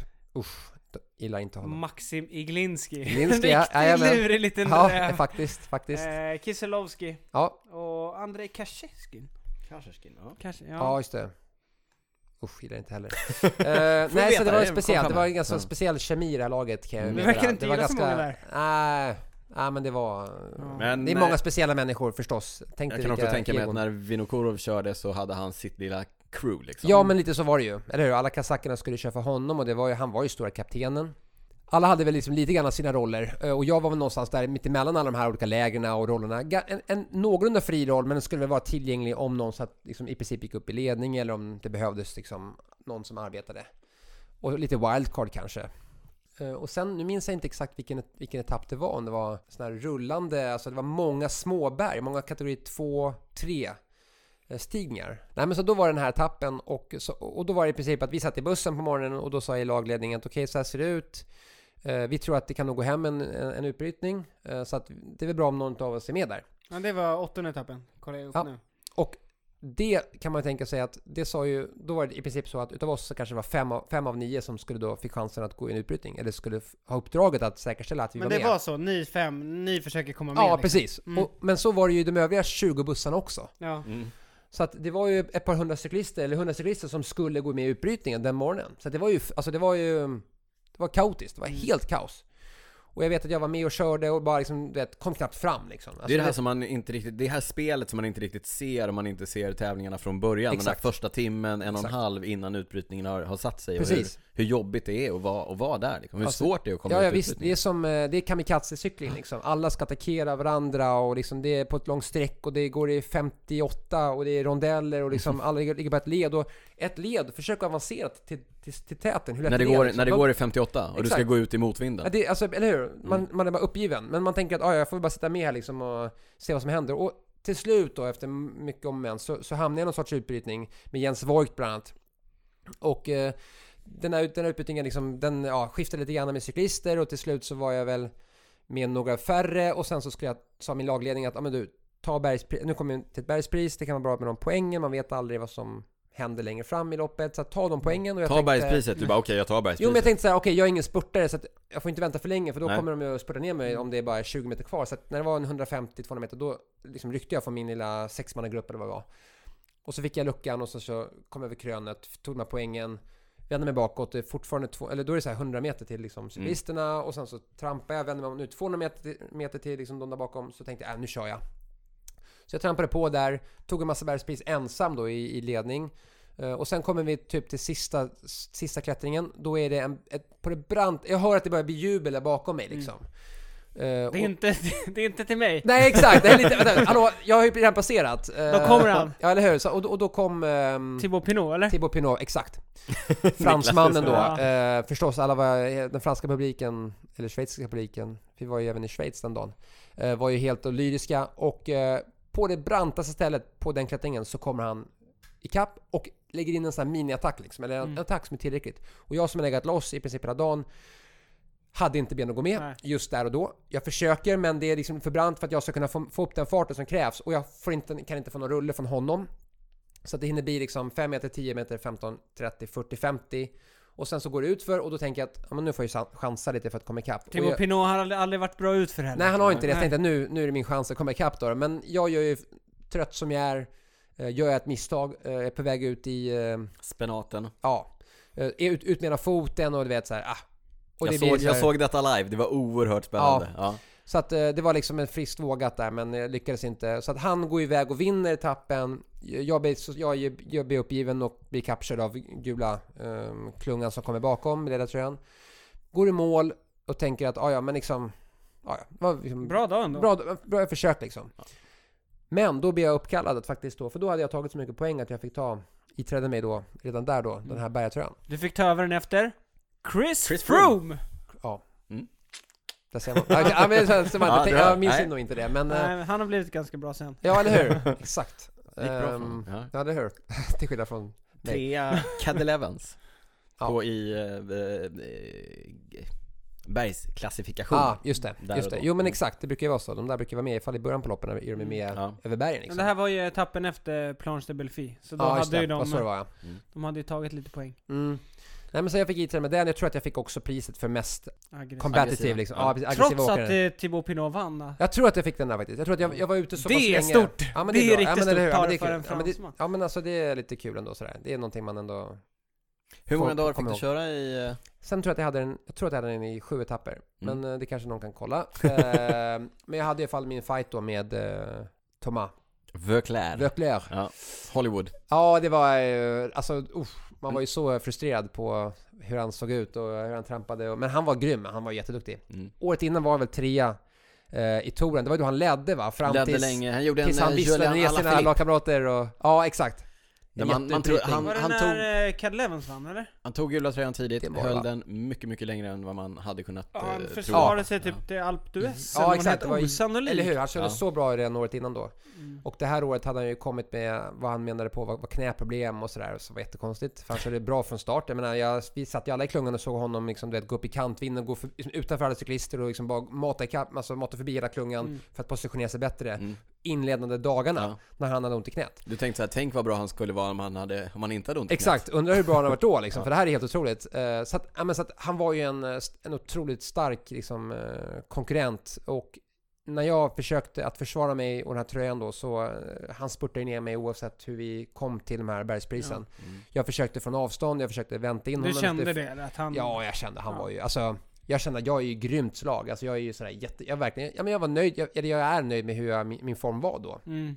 Du vet när liksom man nästan när inte han var med då, så var det så att man undrade, okej, men alltså kan vi inte köra lite fortare upp för bergen? För att jag Ja. menar, annars kommer de ikapp och sen så var, var vi sex man som vet, de, de orkar inte ens gå runt. Man känner Nej. bara, men ska jag attackera själv? För det här går för lång, långsamt liksom. Man har sådana ben. Ja, Älskar jag, den jag, vet, jag vet precis I vad du Alperna, menar. i Alperna. Jag vet Ja, det är precis vad du menar, Ja. man, man, är, man är loss med förklär, man är, det är liksom Ja men lite så, precis och Pierre Roland var ju med där också och, och, och utmanade och man liksom, ja men jag hade bra ben men, Mm. men Vöckler var, han var, Snäppet. han var snäppet tyvärr bättre. Mm. Eh, Men det här var ju väldigt stort i Sverige. Ja, det fick otroligt genomslag. Ja. Ja. eh, Upplevde du det? Där nere liksom? Alltså, både ja och nej. Jag vet ju att jag... Grejen var så här att om, då i alla fall, nu vet nu kanske det är bättre idag, men då när vissa journalister ringde från såna här skandaltidningar och sånt där. Alltså om du inte vet vad cykel handlar om, då ställer man ganska konstiga frågor. Och när jag har Jag lite kan tid ut av cykeln och inte behöver tänka cykel, så då vill jag prata med någon som vet vad cykel handlar om för att kunna förstå, för att den ska förstå, för jag kan förklara att ja, men så här kändes det, eller så här var det hade, idag. hade podden funnits då? Ja, hade ni ringt, Ja. då hade ni ju, då, Då hade hade vi vi ju fått en snackat liksom. ja. Ja, då hade vi va- varje dag. Men, jag, men det fanns en Malena Johansson va? Just På, det. idag på... Jätteduktig. Superbra. Ja men alltså hon har ju förståelse för sporten. Ja. Så att hon var ju det, typ den jag ville prata med. Mm. Så att hon var ju min länk till Sverige och jag förstod ju att det kanske uppmärksammades där hemma men jag var så inne i att bara bubblan. Ja men alltså jag skulle ju, det var ju, alltså jag hade ju, det var ju press på mina axlar liksom. Mm. Det var inte så att man bara vaknade upp med bergatröjan och liksom att laget tyckte att, ja men... Ser hur det går. Ja, jag ser ser det hur går, nej, exakt! Och du ska med utbrytning. Framförallt inte jag själv, jag Nej. vet ju det att Exakt! Alltså jag ska vara med i utbrytningen. Mm. Det är inte frågan liksom försöket, jag ska vara med i utbrytningen. Och jag menar Missade det är du den så någon jobbigt. gång också? Så att typ laget gick upp och körde och... Det här är lite tråkigt men jag tror att det var typ dagen efter jag hade vunnit, alltså fått bergtröjan första gången då. Ja. den här etappen jag pratar om. Då tror jag att jag tänkte att ja, men det här är bara en tröja jag har, det är bara tillfället, det är bara tillfällighet att jag har den så att det är ingenting att liksom typ försvara. Mm. Det kan ha varit att det var en tempoetapp dagen efter och sen så var den etappen där jag, och då tappade jag tröjan. Och sen så körde jag en dag utan, eller så vart jag av med den så tänkte jag så här, vad 17 varför, varför, Varför släppte jag den? Varför släppte jag den? Jag, alltså jag har ju ändå tröjan nu, jag kan ändå få poäng alltså, jag har ju bra ben, varför kör jag Mm. inte? Och då bara, fan, ja men nu ska jag köra för tröjan. ja. Så att jag, jag, jag hade inte, inte ens då tänkte jag, Nej. men det är samma sak då när jag, gick, i- när jag vann eh, i Österrike, Kitzbühler-Horn. Då gick jag i mål och sen så tänkte jag, och så bara det, man bara jublar för segern och allt sånt där. Och så kommer en journalist, en journalist och frågar eh, Hur ser du nu på dina chanser att vinna totalt? Jag tänkte, Bara vinna totalt? Va? Varför- totalt? Så här, Det- vänta nu. Jag har precis vunnit, alltså, Ja. aha, alltså det där kan jag tänka på ikväll eller, Ja. eller sådär. Jag har vunnit, jag har bara liksom sådär. Så att man är liksom, och det tror jag många pratar om även i en Grand Tour när man har 21 etapper att du kan inte hålla på och tänka på vad du ska göra den 20 etappen dag 3. Utan du tänker, dag 3 tänker du vad ska du göra dag 3? Mm. Och dag 4, Därav 4. världens tråkigaste svar. Vi tar en dag i taget. En dag i Ja. taget. Ja Ja. men det blir Men verkligen det så. blir så. Det blir Alltså, så. Men, men, men jag förstod ju förstås med bergtröjan att okej, här har jag ändå en chans att liksom försöka göra någonting. Ehm, Men sen tog du tillbaka den. jag tog tillbaka den. Och höll den i typ fem dagar eller något Ja, något sånt där ja. Och sen började jag bli utmanad på riktigt då av Leclerc. Leclerc då. Ja. Mm. Och, och då hade han till exempel någon gång vi var i utbrytning med, då hade han ju sin lagkamrat då, Pierre Hollande. Mm. Och då jobbade ju Pierre, det enda han var ute efter det var att ta bort poäng från mig. Mm. Alltså han skulle komma Han komma- blockerade Ja, han blockerade poäng, mig, ja. försökte ta poäng och det...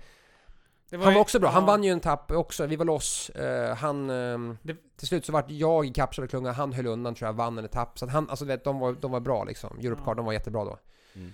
Ehm, och jag försökte då förs- försvara mig själv där i, i utbrytningarna och ja men, ah, jag var väl nöjd med vad jag gjorde men det räckte inte. Du gjorde det ganska bra.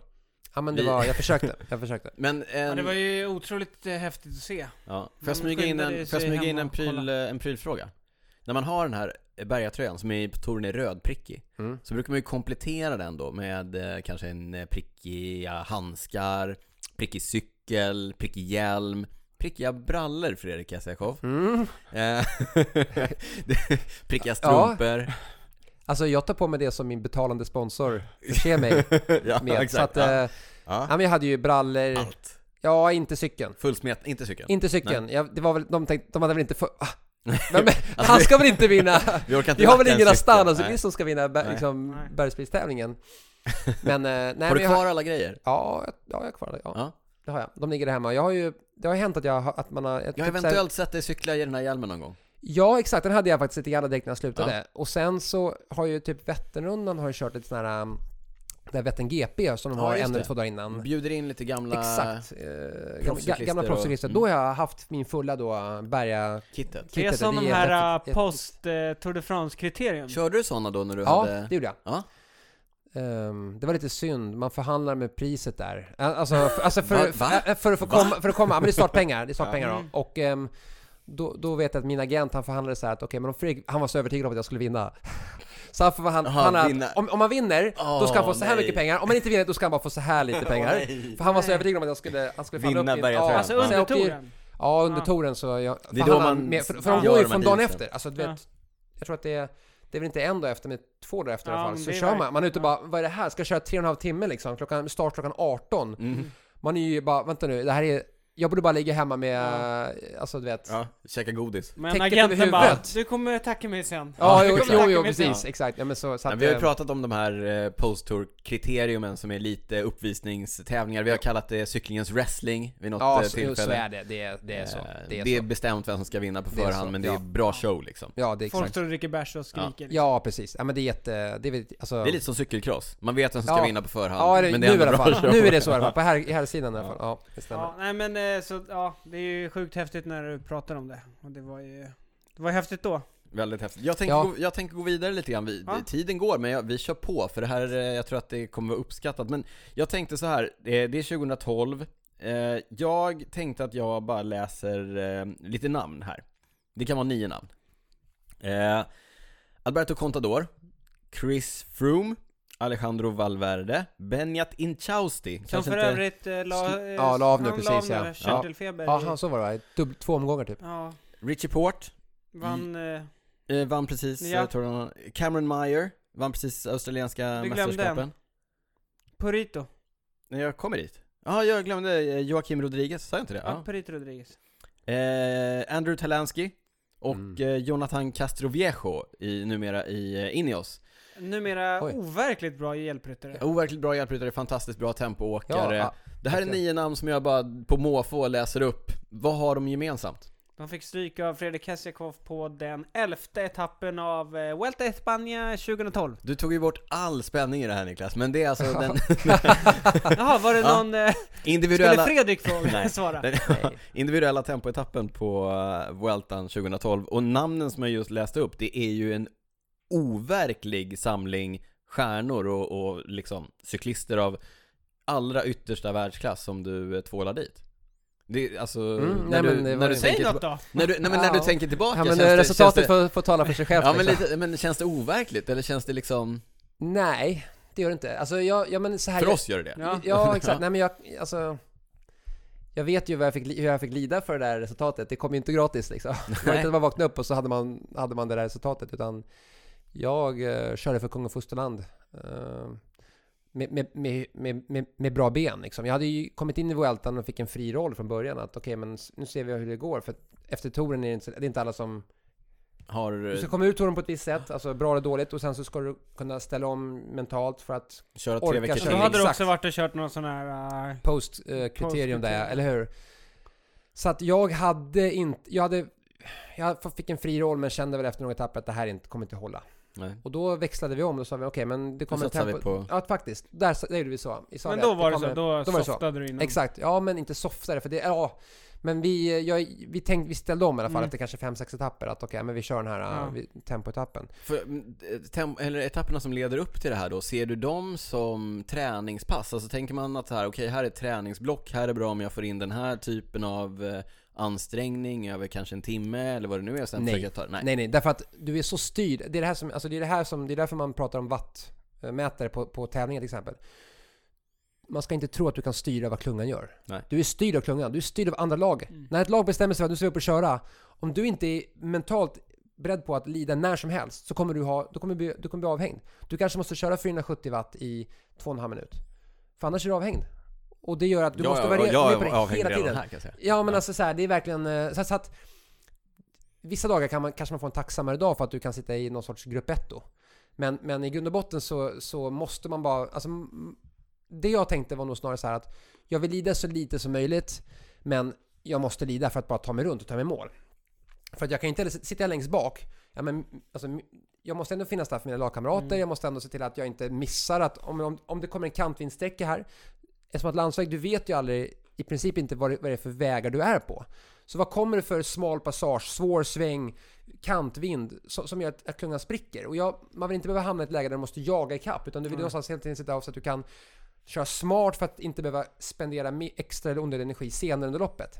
Så att man är alltid med på någon vänster. Sen, sen kanske man inte attackerar eller går med i morgonutbrytningen. Man försöker köra så ekonomiskt som möjligt bara. Exakt, vilket ändå är jättejobbigt. Mm. Vilket Ja, ja. ändå är jättejobbigt liksom så. Ehm, så det var väl det som jag gjorde liksom dagen innan bara att okej, bara, bara åk med. Mm. Och lägg inte någon massa onödig energi utan vi ställer in oss på att, att liksom göra någonting bra, eller försöka då på tempoetappen. Och den gjorde vi också så att där körde vi på morgonen, för ofta tempona, etapperna kör man ofta lite mer på senare på eftermiddagen. Mm. Alltså om nu sändningarna börjar vid tre till fem så kanske första starten är klockan två Ja. för första cyklisten och sen så får köra favoriterna i direktsändningen sen då hela, hela loppet. Så vi var ute på morgonen där och kollade banan, kollade liksom, kollade etappen. Men då reker ni hela banan? Ja, liksom. vi eh, rekade första biten med bil tror jag. Sen hoppade vi ut och så körde vi Mm. och framförallt så var det en, det var en klättring eh, Drygt halvvägs något sånt där säger vi eh, Som var ganska tuff och sen var det framförallt en väldigt teknisk utförsäljning Men körde du på tempocykel då? Ja. ja. Och det ska man alltid göra när det är Mm. tempo tycker jag Alltså om det inte är Men det är, uppför. vissa kör ju ibland att de ska här, byta Ja, det har hänt. linjer. Exakt, någon gång har det hänt att de byter, men ibland så står man ju och velar, så av det är platt och sen blir det berg. Ja, min, med mitt, jag, min erfarenhet säger mig att ta tempohojen. Mm. Den, kommer, den som vinner kommer att ha kört tempohoj. Men då rekade vi lite sådär och eh, jag gjorde vissa modifikationer till min hoj eftersom att det var liksom den här klättringen var ändå där och jag ville göra allt jag kunde för att liksom in i minsta detalj. Du berättade här innan, du bytte Ja. till eh, kolfibersadel dagen Exakt. innan. Hur mycket, vet du hur många gram du tjänade? Kanske 50 gram. Ja. Men hur gör du då? Går du till eh, mekanikern och bara Hörni, jag vill ha en kolfibersadel? Ja, och det är inte jättepopulärt.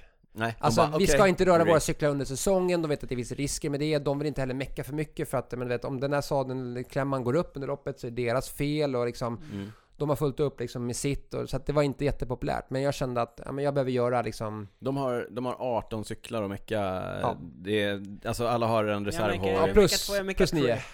Exakt, ja. men plus nio för att du, alltså Ja. tempohojarna, alla har varsin tempohoj minst, Mm. vissa har två. Alla har två linjehojar minst. Som reserv, eh, Ja, ja. ja. så att det är ju alltså hur många cyklar Mm. som helst som de ska ha koll på. Och det är hjul och det ska pumpas ut, Mm. och, alltså fälghöjd och så vidare som man vill byta till varje etapp. Och Mm. kassetter. Och kanske i vissa fall även dreven fram. ja, det är ett sjukt meck. Så att det är mycket, de, de har ju fullt upp. Eh, Men nu vill jag ha en kolfibersadel. Ja, jag vill, jag vill göra allt. Ja. Ja. men alltså du vet. Vi pratar om små marginaler liksom. Man vill ju inte... Man vill inte lämna kasta, någonting. Varför där. ska jag kasta bort? Nej. Om det är så en tiondels sekund. Tänk om jag förlorar med en tiondels sekund. Jag vann två sekund, med två sekunder över Cancellara. Mm. Vad hade hänt om jag hade försökt, tänkt att jag skulle dricka på ett ställe som var lite sämre? Eller, du vet, eller hur? Mm. Exakt. Så att jag gjorde allt jag kunde och jag, som jag alltid gjorde, så bad jag jag, jag tog bort min SRM-mätare. Eh, jag, tog även, jag tror till och med att jag bad dem klippa bort uh, sensorn på, på gaffeln. Jag tror det i alla fall, för jag, alltså jag borde ha gjort det om inte annat. Så att, nej men alltså det var verkligen, jag kände att allt Det liksom. är den nivån liksom. Ja men det är ju sådär att jag startar ju inte heller med mer vatten i flaskan än vad jag kommer kunna, än vad jag Nej. maximalt kommer ens kunna dricka. Mm. Eh, Alltså allt egentligen som man kan göra, försöker man göra. Och eh, för att det är ju så här att när jag krämar ur det ur mig själv, då ska inte jag börja tänka att, ja men, ja, alltså, att det fanns andra saker jag kunde göra också. Men utan allting annat ska vara gjort redan. i gaffeln. Ja men jag- exakt, eller att det finns eh, 20 gram här på sensorn som jag också som... Utan jag ska känna att ja, men det ska vara värt för mig att gå in och 100% för att allting omkring ska vara liksom Mm. så optimalt som möjligt. Så att det är bara upp till mig och min prestation. Titta på tempocyklister, de duktiga. Titta på Gustav Larsson framför allt. När han går in över mållinje på tempo, tempolopp. Spelar ingen roll hur bra eller han kör. Han bara kastar fram sin cykel. Ja. För tänk om han blev 11 och kanske inte fick, vad vet jag, något UCI-poäng Mm. eller vad det kan vara. Istället för att bli 10 då. Mm. Eh, för att han var en tiondel efter. Alltså det, och Det du vet ju inte alltid. Jag, jag, jag startar ju inte heller sist igen då, utan jag startar ju någonstans mitt i startfältet. Så jag hade ju ing- inga referenser mer än att jag visste att oj, jag, eller du vet, jag körde om x antal cyklister och därmed också deras liksom ledarbil, eller deras följebilar och deras ledarmotorcyklar och Mm. kom ikapp motorcyklar utför för att de, de inte vågade köra så fort som jag kunde göra. Mm. Och jag hade ju memorerat den här utförskörningen, även om jag bara kört den en gång så visste jag att jag hade inställningen att varannan kurva. Så varannan kurva var snabb och varannan kurva var skarp, alltså Ja. så. Och det visade sig som tur var att det, det var det. Det stämde. Det stämde, ja men det var lite så. Du Och- tog inte fel varannan heller. Alltså jag hade, det var ju så här att jag, ehm, jag kom upp på toppen och då ledde jag över, då hade jag ju sen, nu vet jag ju det efter då, att jag ledde över, över Contador tror jag med ty, typ 9 sekunder på toppen. Mm. Och sen utför, om någon anledning så funkar inte min, inte min radio. Förut, men nu, det var tur det för att i min, då ropade faktiskt min, eh, alltså min följebil. Tranquilo! Exakt. Du bara, Alltså- inte det ordet! Exakt, men som tur var så hörde inte jag det här. Men de hade tydligen då ropat, hörde du inte att vi ropade på dig liksom så Bara, Nej, och det var nog tur för jag, jag alltså Det var all Sen, sen vet jag inte hur många sekunder jag vann med, men jag vann, jag tror att jag drygade ut i alla fall 17. 17, så jag drygade ut min liksom, ledning där också, utför då. Före Alberto Contador, vi Ja. upprepar det här. Ja. Ja. Men det var också, det var bra. Det var Ja, det var- champagne på Ja. kvällen. Bonus.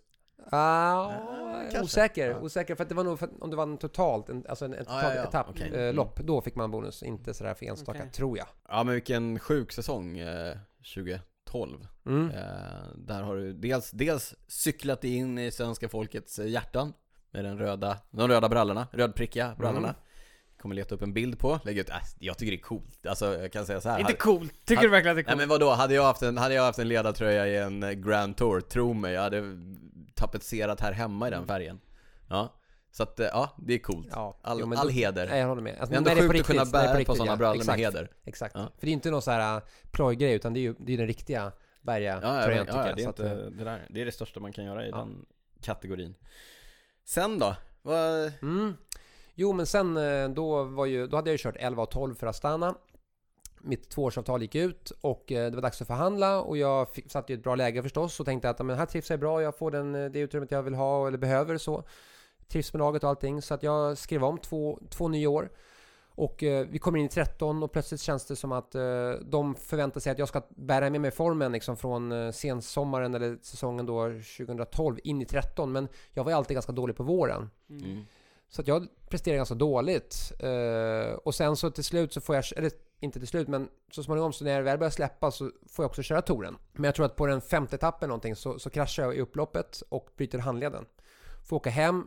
Eh, den säsongen kan man säga var mer eller mindre spoilerad. För att är du inte tillbaka till Vueltan så är det svårt att komma in i någon ny form och liksom... Mm. Ja, så att det var liksom... Säsongen rann lite grann ut i sanden. Och vi kom in i 2014, jag hoppar ganska snabbt. Så uh, tänkte jag att ja, men nu, nu vill jag visa laget vad jag går för. Liksom. Nu, nu ska jag liksom... Ja, visa vad jag kan leverera. Så jag spänner bågen jättehögt. Uh, men tyvärr då, väldigt tidigt på året i Strade Bianche så kraschar jag. Uh, kör ganska offensivt och i en ganska hög hastighet så, så glider jag på det här, grus, det här gruset som de då är. Det är grusvägar stor del, del, av, del av loppet. Så jag glider med liksom stenar mellan mig och min, och min hud liksom mot vägen där. Och det är liksom, det är i princip bara skrapar av en stor, stor, mm. en stor cirkel på min höft. Jag har sett bilder på det här, det är inte trevligt. Nej, och det är liksom, det är ett öppet sår i princip. Du ser nästan till muskeln. Ja. Och någonstans är det så att det är så konstigt Strade Bianchi, förlåt jag bryter ja. in, det är en av de eh, nya klassikerna kan man säga. Det är en, en vårtävling i Italien, går delvis på, på grusväg, det är därför mm. det då är grus. Precis. Eh, superhäftig tävling, men eh, också riskfylld då. Ja, alltså jag gillar den verkligen, jätteskarpt. Jag gillar, alltså, som gammal mountainbiker så var Mm. det lite mitt element sådär. Så det är klart att där vill jag ju köra bra och jag körde rätt offensivt. Eh, men lite för offensivt. Eller det var snarare så här, det var en, det var en krasch som jag fick parera för. Mm. Och då kraschade jag för att jag var tvungen att parera i en sväng då. Men det här såret då, jag får inte tillstånd av laget att, att läka såret. Utan de skickar mig på tävling efter tävling efter, efter tävling med ett öppet sår på höften. Det är den 8 mars som du kraschar i Strade Mm. Bianche och den 24 så står du på startlinjen för eh, Katalonien runt. Mm. Som är ett eh, etapplopp. Ja, och det är ofta... Inte optimalt kanske. Nej, och det är ofta ganska kallt, det regnar, det går ibland upp i bergen. Så tidigt på året, även där i Spanien så är det liksom snö och jättekallt. Du åker med, med dina tunna, tunna lyckrabrallor och har ett öppet sår som du försöker bandagera liksom under på höften. Och du är ju förstås livrädd att vad som helst men inte krascha på höften. Ja. Och försök att cykla en landsvägstävling på den nivån Och, och, så och, inte och tänka så. tänka Nej, ja. det går ju inte. Så det är klart, och plus, plus då, när kroppen läker så det går åt jättemycket energi åt att läka. Ja. Det är det kroppen kommer alltid liksom prioritera läkningen. Så att du har ju noll, alltså du har inte den återhämtningen Mm. som du annars hade haft eller kan prestera på den nivån. Och jag bryter också, jag får feber tror jag efter, eh, ja, näst sista, eller inför sista etappen så att jag kan inte ens starta sista, sista dagen där. Och får åka hem, men blir i princip kallad till nästa race efter det igen och så vidare och så vidare. Eh, och jag frågar läkaren vid något tillfälle att, men alltså, jag visar så här, tycker du verkligen att jag borde tävla? Och då säger de så här, jag är ledsen men jag kan inte göra någonting. Mm. Och då var det liksom att, då kände väl läkarna att de inte hade liksom rätten att gå emot om nu typ, typ Vinokurov eller ja. någon hade sagt, som då var lagledare, att Mm. ja men Kesselov, vi ska tävla honom i form. Mm. Mhm. Så förstod inte de att, ja, och jag, i samband med att jag dessutom då presterar, underpresterar förstås, för att jag mår dåligt eller för att jag inte, min, min kropp är inte hel. Så börjar jag dessutom få, då får jag dessutom ett brev från laget som säger Mm. att Fredrik, ehm, det har kommit till vår kännedom att eh, du inte har varit, eh, du verkar inte ha tränat, du verkar vara i dålig form, du verkar inte, du är inte lojal mot, mot, mot, eh, dina, mot, din, eh, mot laget och Mm. med dina lagkamrater och staben. Eh, vi vill att du ser bättring, annars kommer vi vidta åtgärder. Och det skickar de alltså per brev? Det skickar de per brev och då, det kommer liksom i princip efter att jag tävlat då regelbundet skadad Mm. eh, med läkare på plats som har sett mig och som borde ha förstått liksom varför jag kanske inte presterar just då. Ja. Så att det här ger ju mig, alltså det här ger ju Det blir bara sämre och sämre, det, en det blir cirkel. det här, det här förtroendet du har mellan, liksom, Ja. mellan laget då. Det, det, det, det är bara ut ur fönstret. Mm. Och jag tror till och med att jag fick ett till brev efter några veckor till. Ja. Och jag svarade också på brevet. Mm. Och så sa jag att jag blev förvånad över att ni inte kan, kan se vad som har hänt och att ni inte tar er tiden att liksom informera er om varför jag presterar som jag gör. Mm. Ehm, och sådär. Och det här var ju då för någon sorts person som jag inte vet om den ens finns eller om det var någon fiktiv liksom Aha. bulvan de skickade in för Ja. att liksom, jag vet inte. Men Ja. det var jättekonstigt. Förtroendet var förbrukat. Och jag kommer inte tillbaks i slag någonting under det året. Utan eh, alltså det, det, blir så dålig, det blir så stelt och dålig relation. Mm. Så att jag avslutade i princip säsongen med att inte ha några resultat. Eh, kände väl återigen som jag gjorde efter OS-året 2008 att jag inte såg ett ljus i tunneln. Eh, Jag fick några erbjudanden från lite mindre lag, eh, men kände väl att nej. Jag är klar. jag, alltså Mm. precis. Jag kände såhär, nej, nu, nu har jag fått testa det här också. Jag är klar. Så jag tror att det var den 9 december 2014 så gick- går jag ut i sociala medier och säger att jag tävlar This is klart. it. This I is it. quit! Quit. Mm. Exakt. That's it. So long That's a wrap. suckers! That's a wrap. Ja, Ja. men det var, ja. that's a wrap. Ja men, um, still though, fantastisk karriär, vilka Ja. resultat. Och vilka, vi, vi återkommer till det här, vi är ju, vi är ju fans liksom av Mm. eh, dig, det vet du, men också av de här cyklisterna som du har tampats med och slagit. Det, Ja. det är ju fantastiskt när man, när, man, när man är i det så är det en sak, men när man ser tillbaka nu om man tänker på så här, men Chris Froome som du slog på det här tempoloppet. Var, var har de hamnat sen? Mm. Alltså det, det visar ju på vilken fantastisk klass Mm. du, eh, du höll. Ja, i alla fall eh, vissa perioder. Mm. Alltså, och, och det är jag nöjd alltså det räcker. Mm. För att det, liksom, det den här, exakt, det, det är en extrem idrott, alltså en extrem sport. Så att eh, kan man bara ha de här topparna som man liksom, och att, man, och, och att de kom då med hyfsat jämna mellanrum, eller i alla fall ett par gånger om året. Det, är liksom, det, det kunde man leva på. Då var det värt att slita runt en vinter till liksom, och lägga all den tiden som man då inte vann. Mm. Men, eh, nej men så att jag, jag någonstans, ja men jag är nöjd. Ja, Men alltså sen finns det också, för vi som är väldigt insatta i landsvägssporten. Det här är ju en karriär som många skulle drömma om att ha. Mm. Alltså de här resultaten liksom. Det finns ju många som eh, är hjälpryttare hela karriären och inte vinner en tävling. Nej. Men du har ju ett gäng väldigt fina segrar. Mm. Så det, du ska vara väldigt stolt tycker jag. Superkul. Tack för att du eh, delar med dig och berättar om allt det här. Men vi, vi, det, det tar ju inte slut där. Du är fortfarande engagerad i, eh, i cykelsporten. Vi sa det precis i början, du är nyutnämnd. Nu får vi ta det lite snabbt, vi har, eh, det har gått, det är långt avsnitt Ja. idag, jättekul. Du är ny förbundskapten för mountainbike-cyklisterna. Alla discipliner, alltså allting ifrån cross country till eh, enduro, downhill. Jag här. är övergripande förbundskapten Mm. mountainbike. Men det som är så himla bra är att jag har faktiskt en assisterande förbundskapten. Mm. Så det finns en kille, Adrian Hörnqvist. Ja. Han är förbundskapten för just downhill, enduro och fourcross. All right. ja. Och det som är så himla bra med det, det är att om vi till exempel tittar på alpin, eller skidor, Mm. så ser vi att vi har inte samma förbundskapten för längdlandslaget som alpint. Nej. Utan det är väldigt, det är två Det är vitt skilda Mm. sporter. Ja. Och det är det ju faktiskt inom mountainbike också, men det har kanske tidigare inte, det har inte tidigare funnits ekonomi att kunna ha två olika liksom ledare på de här platserna. Men det har vi nu. Mm. Eh, mycket tack vare stöd från då RF och SOK. Ehm, så att nu kan jag då fokusera på att jag, tar, jag kan ta mer administrativa uppgifter också åt Adrian, men mitt huvudansvar är då eh, XC-cykling. Mm. Så Cross att, eh, country, din ja, gamla precis. disciplin. Exakt, exakt. Och där har vi ju, jag menar, även där har vi ju lite grann med olympisk, vi har sprinten, alltså eliminator, Ja. Mm. vi har maraton, Ja, tror det. eh, långlopp. Så att eh, även Vi där har vi lite olika typer av kanske cyklister. framförallt eh, tjejer. Jenny Rissveds, Ja. eh, OS-mästaren. Mm. Ella Holmegård. Ella Holmegård. Elma Holmgård, wow! Ja. Världsmästare i eh, Ja, Eliminator-disciplinen. Precis, exakt. Tjejerna alltså. Ja. Det, är, Mm. där är, det är där det händer. Ja men faktiskt, Ja. så är det verkligen. Alltså i Sverige har vi ju, det är där de, de är framförallt framstående. Sen har vi killar också, ska vi inte glömma bort. Nej. Eh, om jag ska nämna några så... eh, Det jag. Enduro. Ja, Enduro- Enduro-gänget. Gänget Ja. ja, med Alexander Kangas, Zacharias Johansen och Robin Wallner Mm. som tog två där på eh, Trophy of Nations Ja, eh, Det har vi faktiskt Italien. pratat om. Mm. Mm. Okaraktäristiskt av oss här i Cykelwebben-podden, Ja men men de dock. förtjänar, de förtjänar cred. Ja, det verkligen. de gör, för de är, det är som ni pratade om innan att liksom, den sporten där ute är så stor Mm. Att det de gör är helt makalöst. Mm. De är världsstjärnor liksom där Mm. ute i Europa. Så att det ska vi inte Det är glömma. häftigt att höra, det är kul att höra det från någon som är mer insatt än vad vi är Mm. Ja.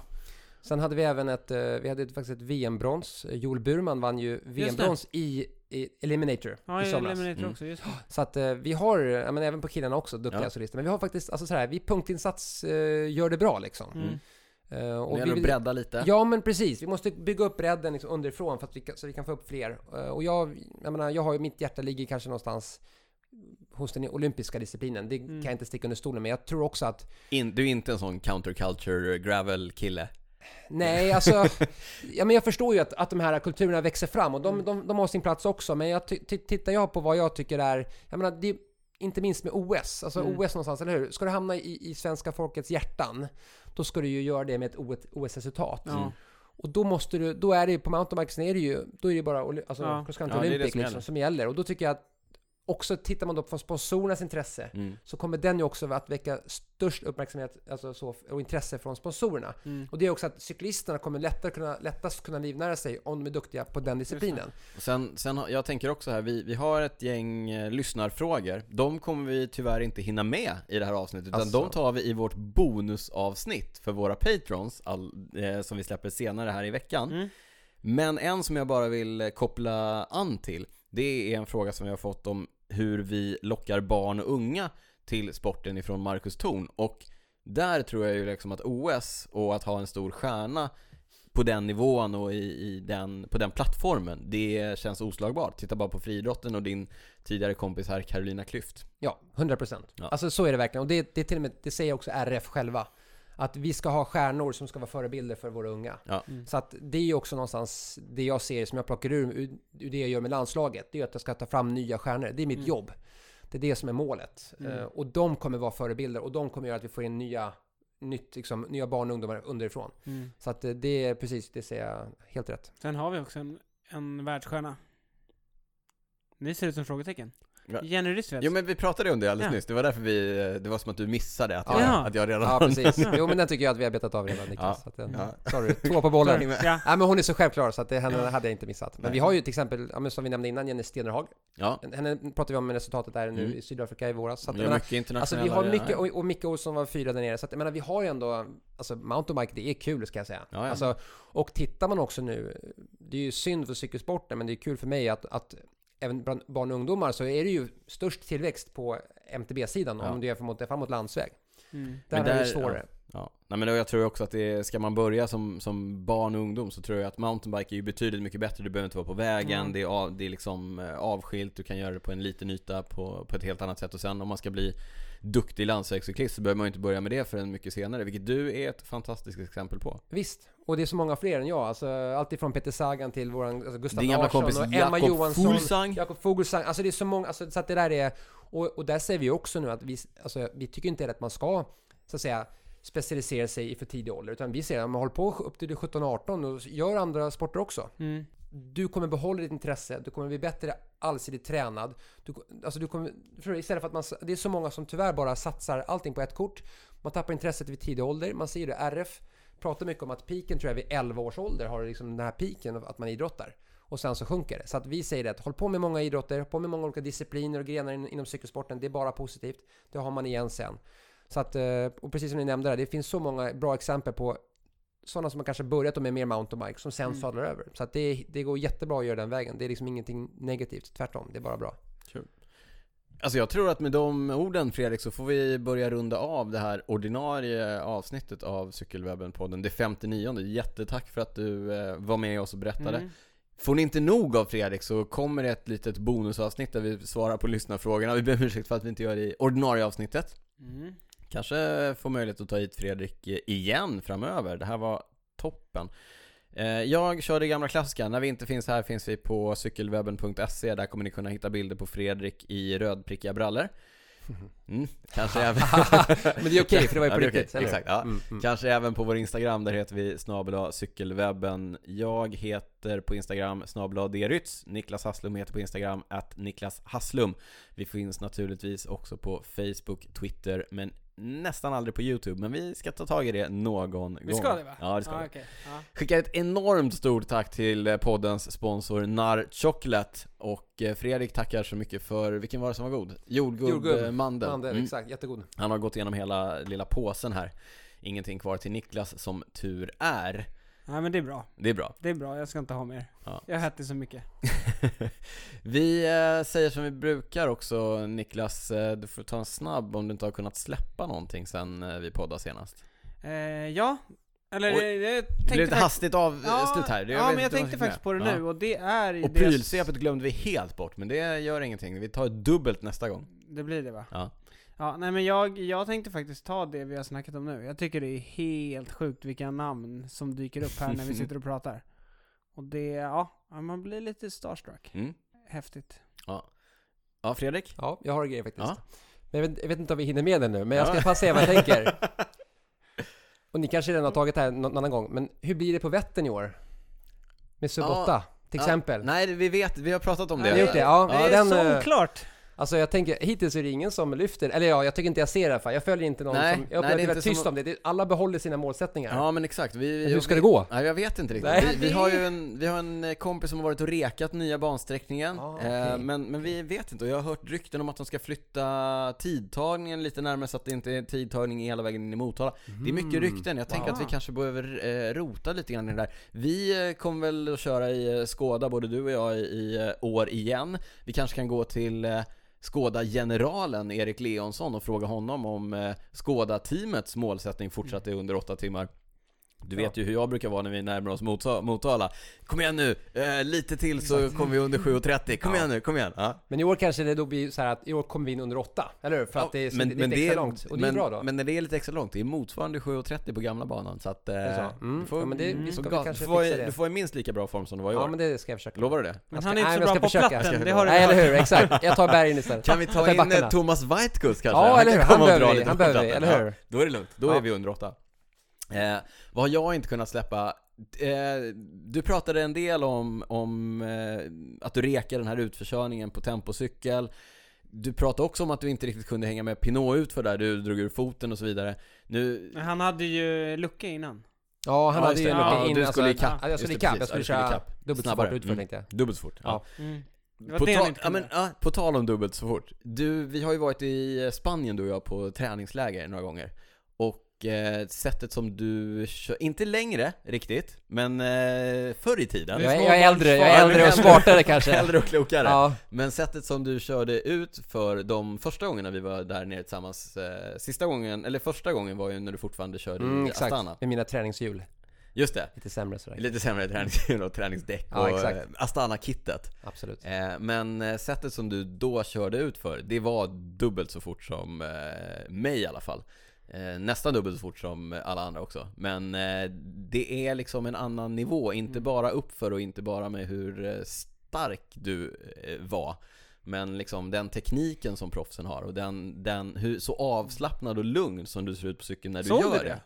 Alltså i, i, i fjärran, i fjärran, i fjärran så såg jag hur Jag såg någon hur liten det var. Ja. eh, Men också så här, vi körde- plupp där nere. Exakt, vi körde lagtempo på någon, eh, på någon raksträcka där också in mot eh, fikat och alla låg liksom på gränsen och så kommer Fredrik trippandes med händerna uppe på styret så här. Det är Alltså, vi hör ju ibland att folk så här jämför wattsiffror och det ena och det andra och vi kanske återkommer till det i bonusavsnittet också med FTP och sånt där men vi som håller på på någon typ av eh, amatörnivå och hobbynivå Vi ska inte tro att vi ens är i närheten av ni som eh, liksom har gjort det i en livstid och satsat liksom hela era liv i många, många år på det här Det är någonting helt annat På en annan nivå. På en annan nivå mm. Det, var, det var det jag inte kunde Mm.